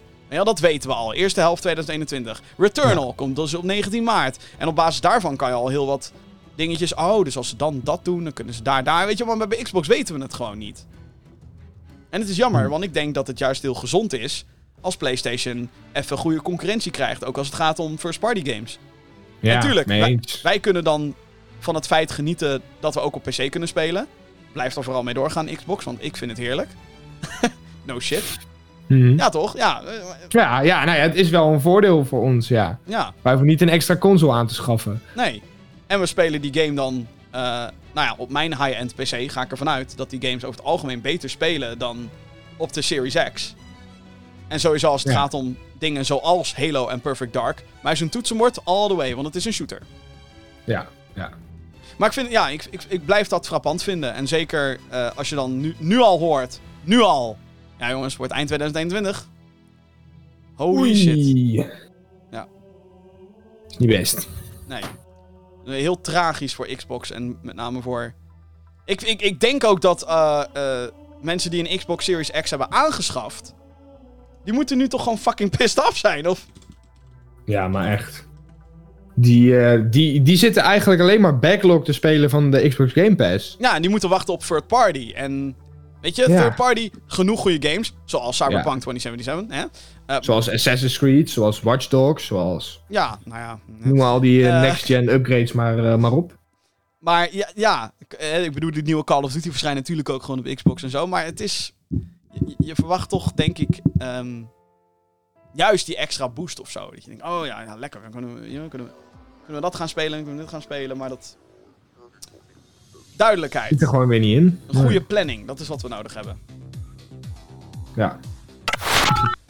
Laatste nieuwtje van deze dag. podcasts, aflevering dingen. Nadat een paar weken geleden eh, werd aangekondigd dat Codemasters overgenomen zou worden door Take-Two, het moederbedrijf van 2K, Rockstar en Private Division, daar is nu verandering in gekomen. EA, ja, EA, EA, heeft namelijk een bod gedaan voor de uitgever en al zijn IP's van, eh, voor 1,2 miljard dollar. Codemasters heeft dit bod geaccepteerd. Beide verwachten in het eerste kwart- kwartaal van 2021 de deal af te ronden. Dit houdt in dat EA eigenaar wordt van franchises zoals de officiële Formule 1 game, F1, Dirt, Grid en Overlord. Wat dit verder voor gevolgen heeft voor de games en ontwikkelstudio's, dat is nu natuurlijk nog onduidelijk. Maar we moeten dus niet verbaasd zijn als we volgend jaar EA Sports, in the game, horen voordat we met Max Verstappen digitaal de weg op gaan in F1 2021. Ja, dit was dus nog best wel een dingetje. Want eh, Take-Two was eigenlijk zo goed als rond, schijnt, met Nou, eh, Codemasters. Die hadden inderdaad dat bod gedaan en daar dacht Codemasters van, nou hoor, we Ah. gaan wel akkoord.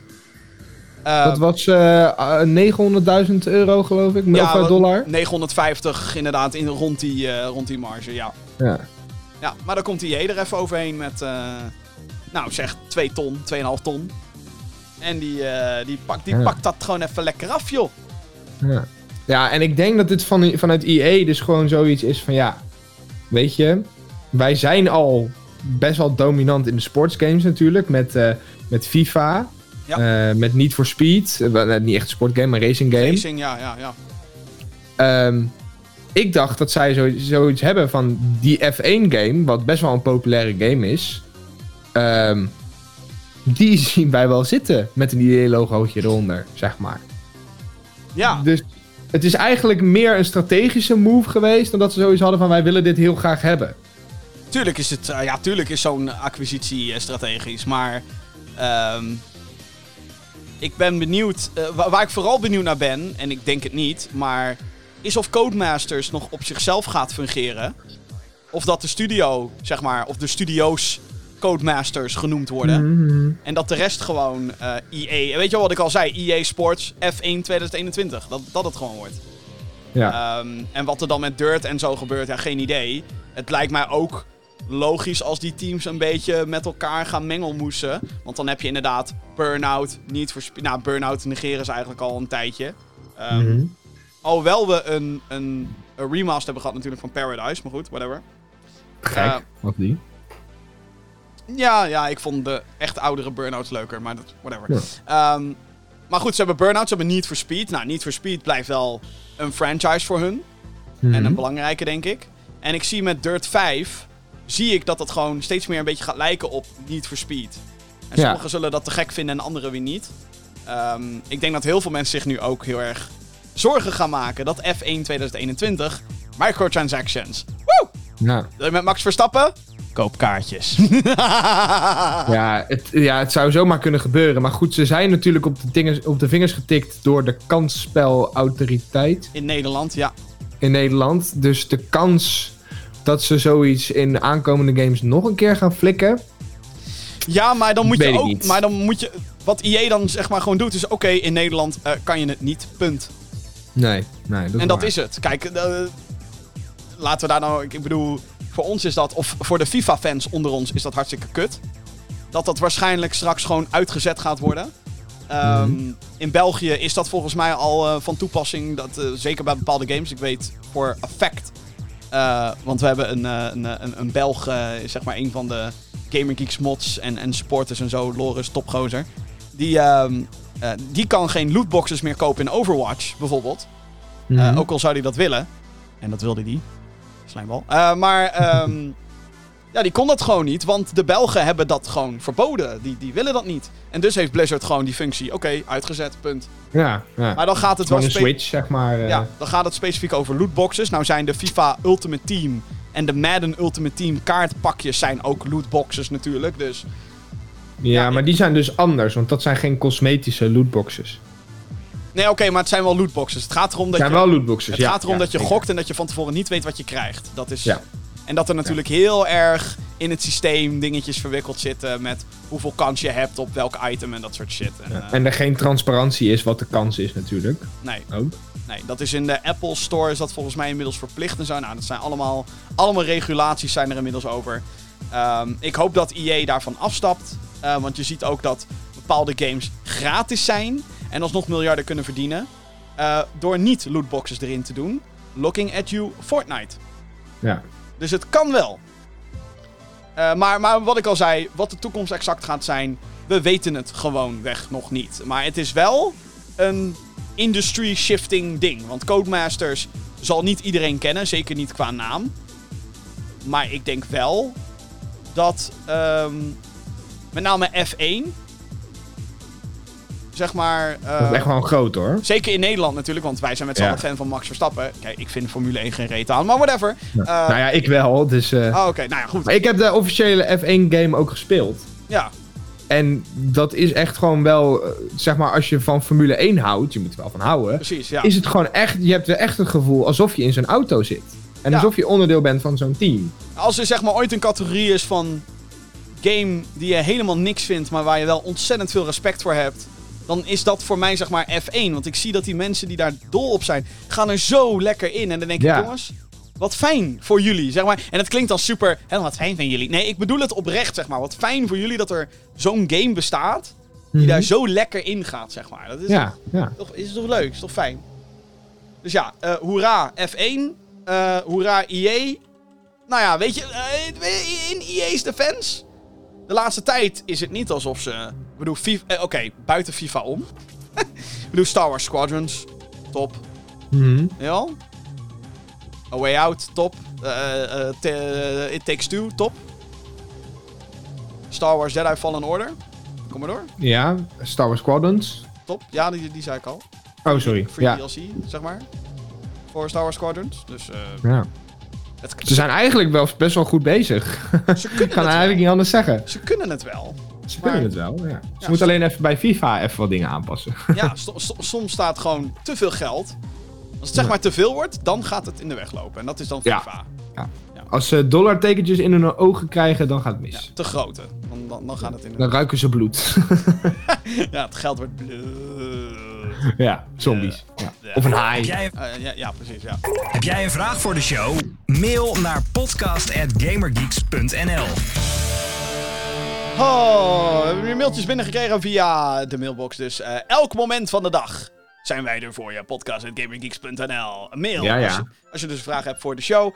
Ehm, eh, Mika die heeft gemaild. Yo, ik ben een heel groot fan. Ik heb zelfs een video naar jullie gemaakt. Jullie zijn baas op dat jullie door blijven gaan. Begin een keer setup video. Oké. Nou, fijn om te, om te horen. Je merkt het al, dus ongepland dit onderdeel van de show. Dus je, hij, wil, hij wil graag Je hebt een video nagemaakt van. Heb je de podcast nagedaan? Want dat lijkt me heel lastig. oh, nou, nou, hoewel twee uur lullen over videogames is niet zo heel Ja. moeilijk, maar. Maar eh, eh, heeft hij een linkje meegestuurd of niet? Nee! Oh, dat moet, je- dan moet je dan... Wie stuurde hem ook alweer? Hoe heette die? Eh, Mika stuurde dat. Mika. Mika, dan moet je de volgende keer even, je, even een linkje meesturen. Want dan kunnen we er even live op reageren. Dat is misschien wel grappig. Ja. Ja. Moet je maar even doen. En een setup video. Ja, Jim, ik denk dat dat voor jou een hele interessant is. Want jij hebt natuurlijk net die nieuwe PC eh, gebouwd. Oh, op die fiets. Ja. Ja, ik wilde Ja. net zeggen, want het is niet alsof wij. Lijken. eh, professional streaming setup hebben. Wat Nee. fucking Dr. Disrespect en Shroud en eh, wat al die gasten hebben. Ja, ik, ik kreeg ook laatst commentaar in een stream van... Je camera is kut. En dan denk ik, ja hallo, ergens moet ik keuzes maken, jongen. Het is een Ja. Eh, en, toen, en toen werd ik op een webcam geweest dat ik dacht... Oké, die ziet er wel echt veel beter uit dan wat ik nu heb. Maar ja, dat is toch weer 160 euro. Godverdomme. Ja, ja. Dus ja, doneer. ja, of een nieuwe Collector's Edition of een nieuwe webcam. Ja, Ja, moet je toch kiezen. weet je. moet kiezen. Als je het zo brengt, is het wel... Ja, dan kan ik zo goed ook een nieuw webcammetje kopen een keer. Ja. Ja. Maar een, een setup video, dat lijkt me wel... eh, kijk, bij mij is er niet zoveel aan. want bij ik mij- heb gewoon een slechte computer. Ik heb twee crappy beeldschermen. Ja, maar bij mij dus ook niet. Bij mij is het ook helemaal niet zo interessant. Oh. Ja, ik bedoel, ik heb een microfoontje. Hallo? Ik, ik, heb, ik, heb, een- ik heb een mixertje. Eerlijk, kritisch en direct. Dit is de Gamer Geeks podcast. Hier, daar komt geluid uit. Hè? Daar, daar komt wel eens mijn grote vriend Jasper Leidens komt er wel eens uit. Hè? Dat neemt dingen op. Ik heb dan een computer. Ik heb een, eh, nog, nog, een, nog een ander apparaatje. Daar komen, daar komen geluidjes uit. Maar dat is het dan wel ook. Ja, Ja. toetsenbord, muis. Ja, Beeldscherm. beeld, twee beeldschermen, ja. Twee beeldschermen. En een webcam, ja. Cam, ja. en heel veel collectors editions. En ergens in de hoek staat een heel groot wit ding. Dat heet de PlayStation 5. Oh ja, die willen mensen wel zien, denk ik. Nou, die unboxing is er dus al. GamingGeeks.nl. Hey, Hey. ja, oké dan. Ja, ja, ja, ja, We zijn wel van de bruggetjes vandaag. Altijd. Altijd. Jordi heeft gemaild. eh, jouw grote vriend naast je, hij is een Staalberg-fan. Wat? Een, oh, een Staalberg... Een, ah, ik snap hem. Staalberg-fan. Wat vind je van de aankondiging van Disney van Star Wars en andere titels? Staalberg? Staalberg-fan.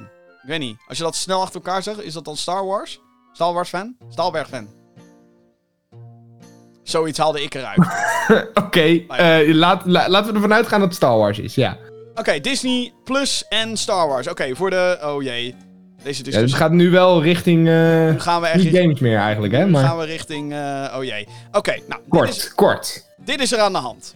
Eh, afgelopen week heeft Disney een Investors Day gehad. En daarin zeiden ze eigenlijk tegen alle aandeelhouders van Disney... Hallo, ja, Dit gaat- gaan we doen. dit gaan we doen. Alleen we gaan het vooral even niet hebben over de pretparken. Want, ehm, nou ja, hè? Daar is letterlijk niks... Daar gebeurt niks, die liggen stil. Daar gebeurt helemaal niks. Eh, Disneyland Parijs is nog steeds op het punt, eh staat nog steeds op het punt om failliet te gaan. Maar hey, we houden het open, want wat moeten we anders doen? Het dicht doen? Nee, natuurlijk niet. Maar, ehm, en dat vind ik jammer overigens. Maar eh, Disney Plus is de toekomst van Disney. Dus er komen 10 Marvel-series met superhelden en shit. En er komt een shitload aan Star Wars zooi.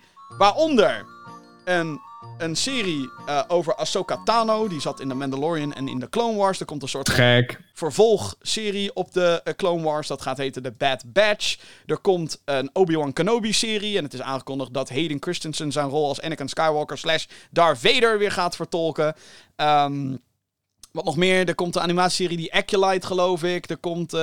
pff, wat nog meer allemaal. Ja, er komt zoveel. Er komt zoveel. Ik mis nog heel veel dingen. Ja.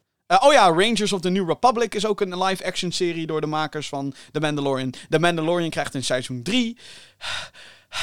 Dat wisten we al, toch? Ja, daar gingen we vanuit. Maar nu was het soort van Ja. officieel The Mandalorian seizoen 3. En dit is wat allemaal. Fijn. eh, ja. en, en, en, en, en. Eh, er komen ook een paar nieuwe Star Wars films. En dan is het natuurlijk, natuurlijk de bedoeling dat die naar de bioscoop komen. Taika Waititi, of Taika Waititi, een eh, regisseur van Thor Ragnarok. En die heeft ook, eh, heeft ook een paar episodes geregisseerd van The Mandalorian. Geweldige regisseur. Ehm, gaat een Star Wars film maken. Weten nog helemaal niet wat. En Paddy Jenkins, de regisseur van Wonder Woman, gaat een film maken. Die heet Rogue Squadron. Nou, jij was hier pissed off over, hè? Ja. En de reden waarom is omdat eh, mensen die hun gamegeschiedenis een beetje kennen, die weten dat er een trilogie is aan games, dat heet Rogue Squadron. En dat waren hele toffe, eh, ja, vlieggames, pjam pjam pjam, dingen kapot schieten van die Empire en zo. Eh, Je kan Star Wars Squadrons een soort van spiritueel vervolg daarvan noemen, zeker. Ehm, maar waar ik een beetje pissig op ben, is dat ze al hebben aangekondigd over die film. En dan zeg ik dan even als hè, gewoon algemeen Star Wars liefhebber. Dat Rogue Squadron gaat over a new generation of starfighter pilots. Maar dan denk ik, wacht even. Rogue Squadron is niet iets wat in een game geroepen is.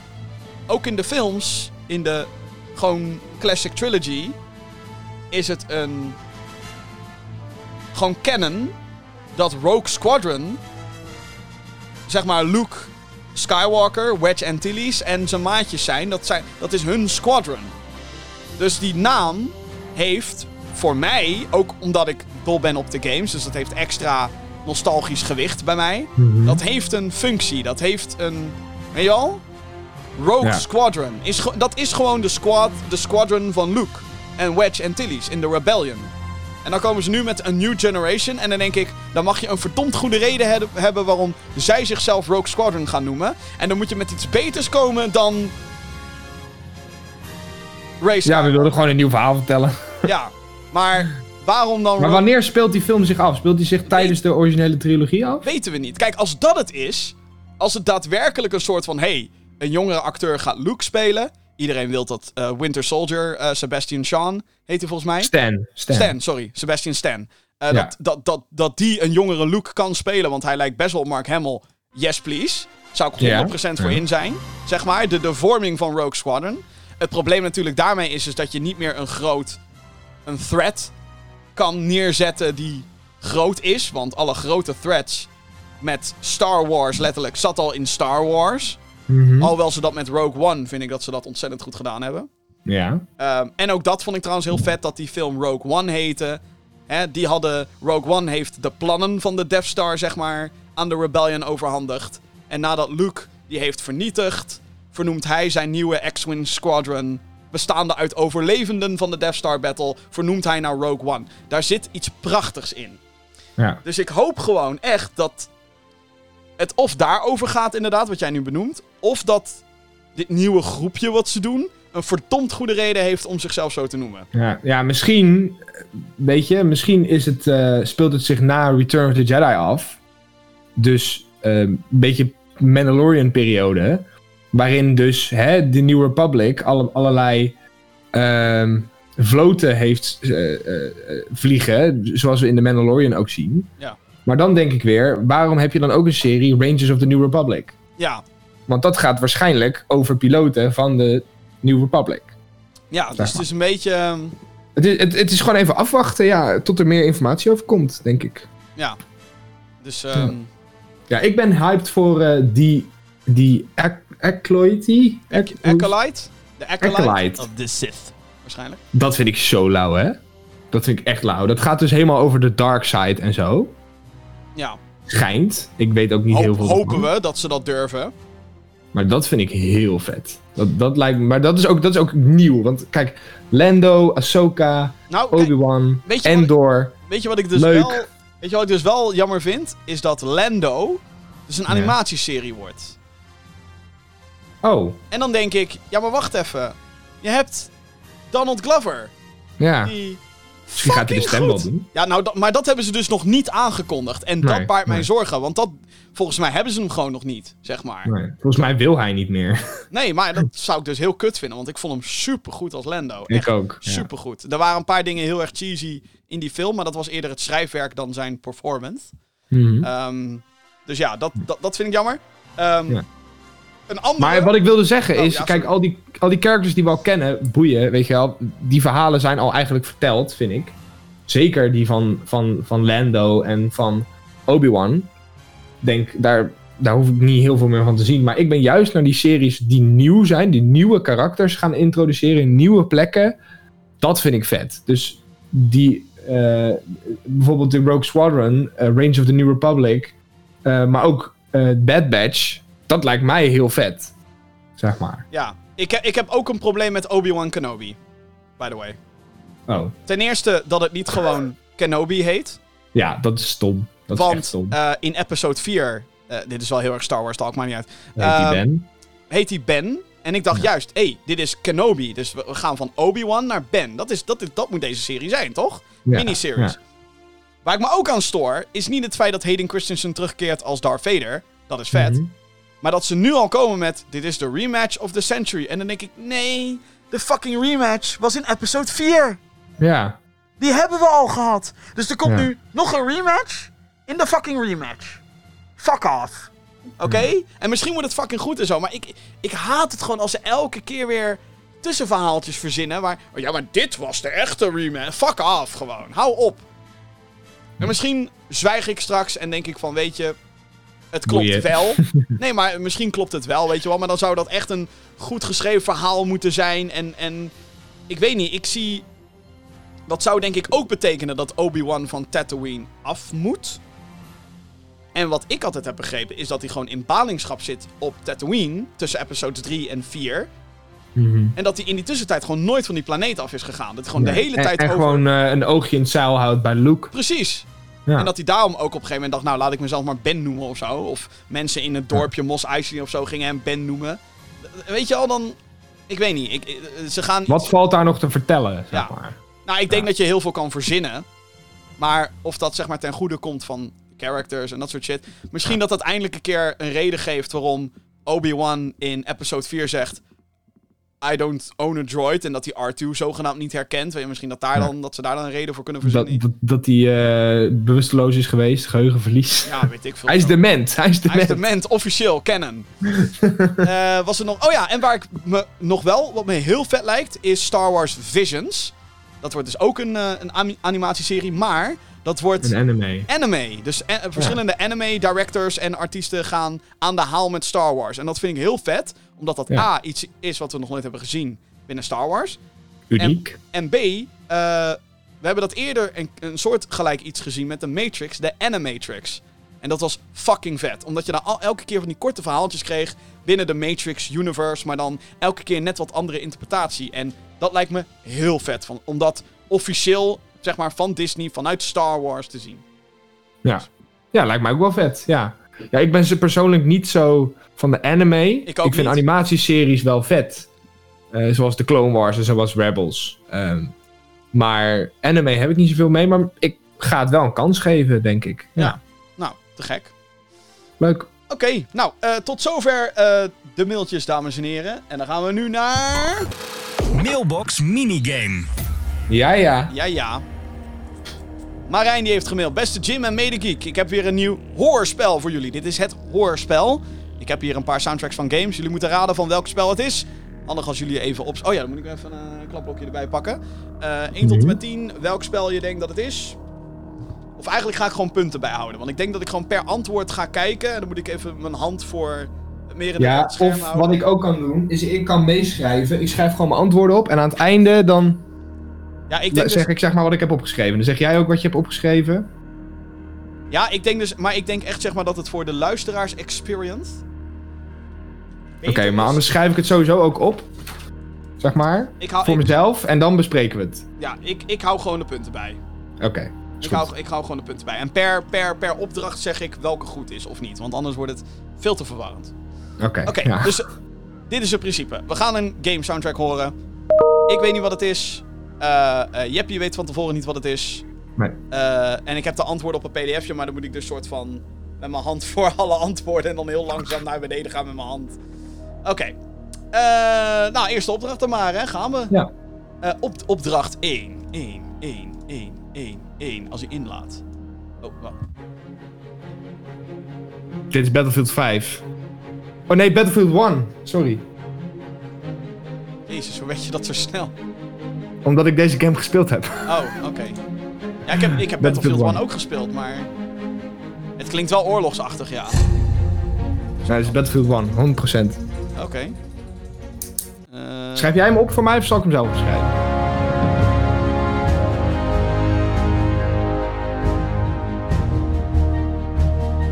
maar dan zou toch ergens dat... Nee, dat zit hier dus niet in. Jawel, jawel, jawel! Jawel, oké. Ja, de Battlefield tune zit wel. Oké, ik, ik ga met jou mee. Battlefield 1 is dit. Ja. Battlefield 1, Battlefield 1. Oké, eh, even kijken. Ga je dat pdfje openen en dan moet ik even mijn hand ervoor houden. En dan ga ik heel langzaam antwoorden. Ja, 1 is Battlefield 1. Oké, dus, voor beide een punt. Oké, dan moet ik dit even wegklikken. Klik, weg met de antwoorden. Oké. Eh, opdracht 2, 2, 2, 2, 2.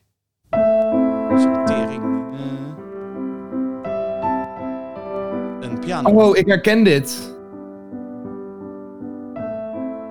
Ik niet.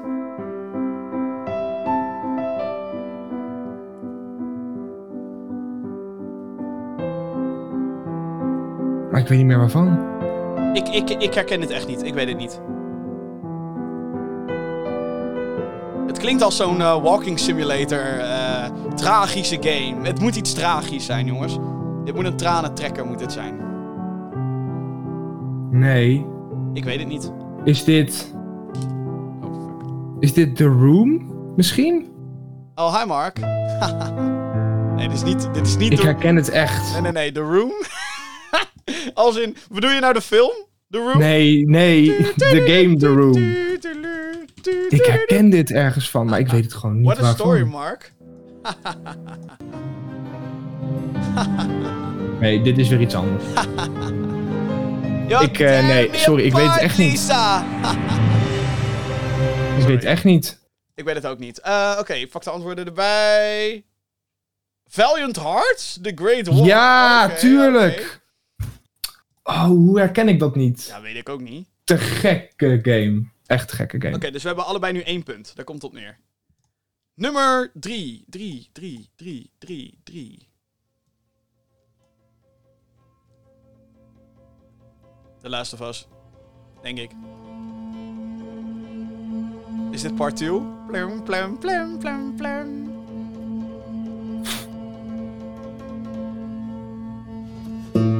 Ja. ja. Ja. Ja. Ja. Let's Pass Part 2.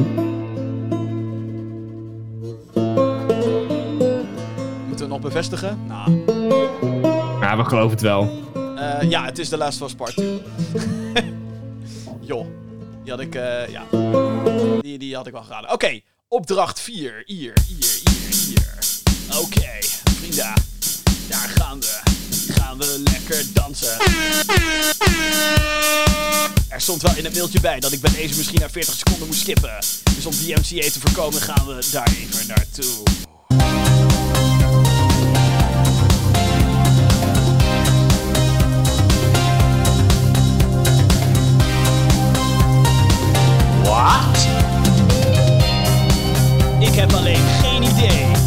Is dit misschien eh Tetris effect? Zo, dat zou wel een goeie zijn, hè? Dan zou ik er wel lekker op los gaan, ja.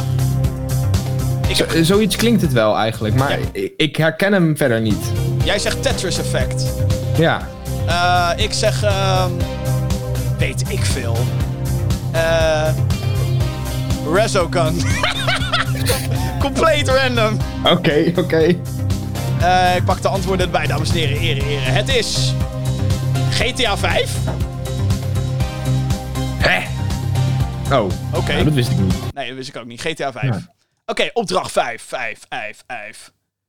Volgende. eh, eh.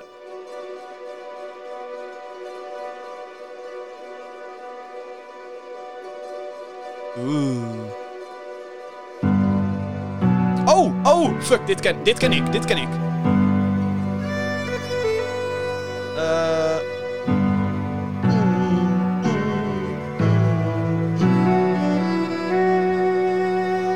klinkt Eh. Assassin's Creed eigenlijk. Maar... Oh, eh, nee, nee, niet Assassin's Creed. Far Cry, Far Cry 5. Dit is fucking Far Cry 5. Oh. Niet gespeeld, dus wist ik niet. Denk ik, denk ik. Als we nou nog Far even Cry dat 5. ene, dat ene... Kom op, kom op. Kom- kom- Ja, ja, ja, ja, ja, ja, ja, ja, ja. Juist. All hail the father. Even kijken, is het goed? Ja, Far Cry 5. Dit was 100% Far Cry Hey. 5. Ik eh, hou trouwens de score helemaal niet meer bij. Het. Volgens mij is het gewoon voor de fun dit. Ah, we, we doen het gewoon voor de fun. Nummer 6, S. Dat is ook een beetje het nadeel. Als, als een van ons herkent, oh, dit is dit. Dan is het natuurlijk, ja, waarom zou je niet meegaan met die ander? Ja. Tenzij we het allebei niet weten. Dan, eh eh, dit is nummer 6, S, S, S. Ehm, ik herken Er zijn dit. wel veel pia- pianoliedjes vandaag. Ja, hè? het is een beetje een trieste lockdown zooi dit. Ehm, nou, ik, ehm, ik heb dit gespeeld, dat sowieso. Is dit eh, misschien heel gek wat ik nu zeg, maar What Remains of Edith Finch? Het ook zo'n... Nee, want die heb ik niet gespeeld. Maar. Oké, ik ga. eh, permissie om te skippen in het liedje? Ja. Oké, we gaan een beetje, een beetje skippen. Dat verandert niet heel veel. Oh, ja, ja, ja, ja. ehm. fuck, hoe heet die fucking game? Eh, het is ook heel verhaalgedreven. Niet What Remains of Edith. Het is ook niet echt een walking simulator. Dacht ik. Zou het Little Nightmares kunnen zijn? Nee, nee, nee. Het is geen... Little Nee, het is... Volgens mij is het Detroit Become Human. Dat klinkt heel gek. Oh. Maar volgens mij is dit een van die... Zeg maar, Hmm. verhaalstukjes Zou kunnen. van Detroit Become Human. Ik ga even kijken naar de antwoorden. Ja, het is Detroit. Heel goed. Jezus. Oké, volgende. Nummer 7. Even, even, even. We hebben weer een mysterieuze opbouw. Uncharted 4. Sorry. Oh. Uncharted Ja, ook 4. niet gespeeld. Ja.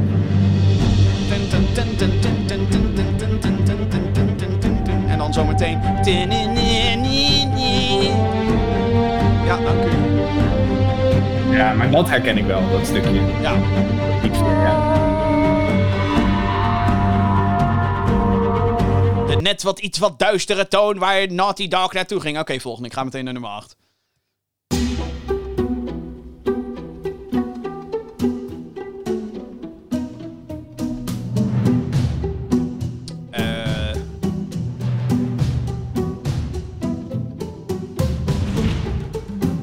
Heb geen idee.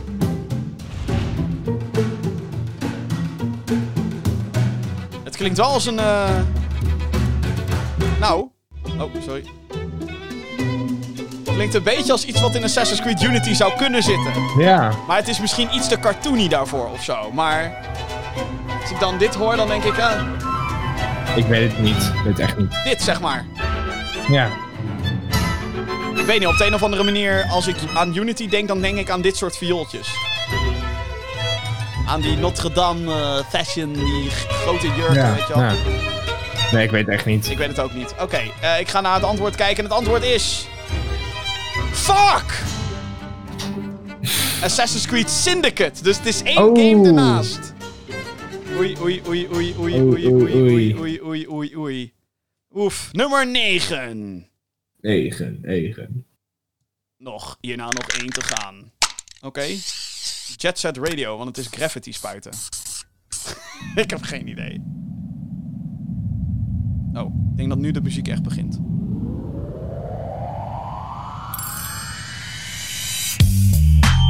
GTA, motherfucker! GTA. Ja. Maar welke? San Andreas. Oh, San Andreas. Ja, zeker weten. Oh shit. Here we go again. Yeah, yeah, yeah, yeah. Oké. Klopt dat? Eh ja, 100%. Ja, deze heb ik- dit was mijn eerste GTA-game die ik ooit gespeeld heb. Jezus. Wat Toen was ik 12. Mocht eigenlijk helemaal Dat niet. mocht helemaal niet, verdomme. Oké, we gaan naar de, nummer wel. 10. In, in, in. De laatste, laatste, laatste.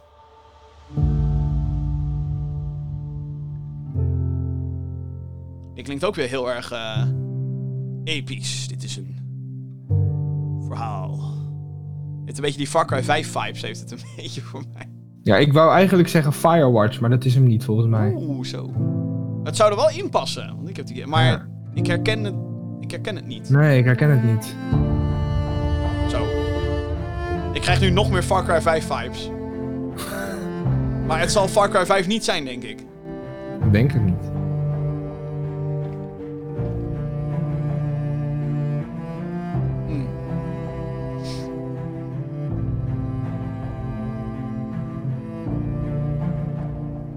Zo, zo merk je ook dat heel veel game muziek hetzelfde is, hè? een beetje hetzelfde als met filmmuziek inderdaad. Gewoon Exact. Violen. epische muziek, filmmuziek. Nee, ik weet het echt niet. Ik weet hem echt niet. Ik heb ook geen flauw idee. Antwoorden zegt... Oké. Days Gone is kennelijk het antwoord. Oh. Geen idee. Die had ik echt nooit geraden. Ik Nee, heb ik Days Gone wel een beetje gespeeld, maar... Nee, niet echt tot het Nee, ik totaal niet. Ah. Ja, nou ja. Eh, zit hij zit hij in de PS Plus Collection? Ja, ja, zit hij in. Nou, ja. Hey. Kun jij ook gewoon spelen, Jim? nou, ik denk dus wel dat ik die ga doen, want ik heb die echt niet genoeg gespeeld op PS4. Maar dan op PS5, zeg maar, met 60 fps, weet je wel. Volgens mij zit er een 60 fps mode op, namelijk. Dus dat zou heel goed zijn. Wie heeft deze gewonnen? Ik heb geen idee eigenlijk. Maakt dat ook eigenlijk... We hebben allebei gewonnen. We allemaal gewonnen. Het- We hebben gewoon... De gaming-industrie heeft gewonnen dat het zulke mooie muziek heeft. De Participatie Award. Die had moeten gaan naar de Ja. Last of Us Part 2. Participatie. nou, Ghost of Tsushima heeft hem nu gekregen. Nou, Ori and the Will of the Wisps. eh, de Doom Eternal heeft Ja. een participatie op fuck. Bullshit. Ja, juist. Goed. Eh, en daarmee zijn we bijna aan het einde gekomen van deze veel te lange aflevering van de Gamer Geeks podcast. Eh, ik wil je heel graag eh, vragen of jij, als je dit een leuke show vond, eh, om eh, je te abonneren op deze show via je favoriete podcastdienst. Dat, dat kan zijn Google Podcast, Apple Podcast of natuurlijk Spotify. Er is ook een videoversie te vinden, die is dus te vinden op youtube.com slash gaminggeeksnl. Maar wil je nou echt het volledige Gaming Geeks pakket met podcast, video en meer nieuws? Ga dan naar gamergeeks.nl, want daar is echt alles te vinden. Inclusief dus nieuwsberichten over dingen waar we het misschien niet over hebben in deze podcast. Want geloof het of niet, zelfs in een show die twee uur en een kwartier duurt, zijn er dingen die we geskipt hebben. Dat heb je nou eenmaal in een week waarin Cyberpunk uitkomt. En waar er, weet ik het wat allemaal gebeurt, veel te veel gebeurt. Dus dat, gaminggeeks.nl. Eh, wat kan je daar onder andere nu al op zien? Nou, wat dacht je bijvoorbeeld van mijn unboxing van Cyberpunk 2077? En natuurlijk Gaming Geeks Next, het overzicht van alle belangrijke decembertitels. Als je denkt, nou, ik heb zin in iets, maar wat moet ik nou spelen? Daar heb je hem. En een nieuwe ASMR-sessie van Jordi. En er komt natuurlijk veel meer aan. Goed. Eh, en volg ons op Twitter wanneer er eh, streams aankomen, dat soort dingen. GamerGeeksNL is dan het antwoord wat je zoekt. Goed. Jeppie, bedankt dat je erbij was. Geen probleem. En eh, dit was Gaming Geeks, de Gaming Geeks podcast, aflevering nummer 155. Heel erg bedankt voor het luisteren, dat je het zo lang met ons hebt uitgehouden. En heel graag tot een volgende keer. Later.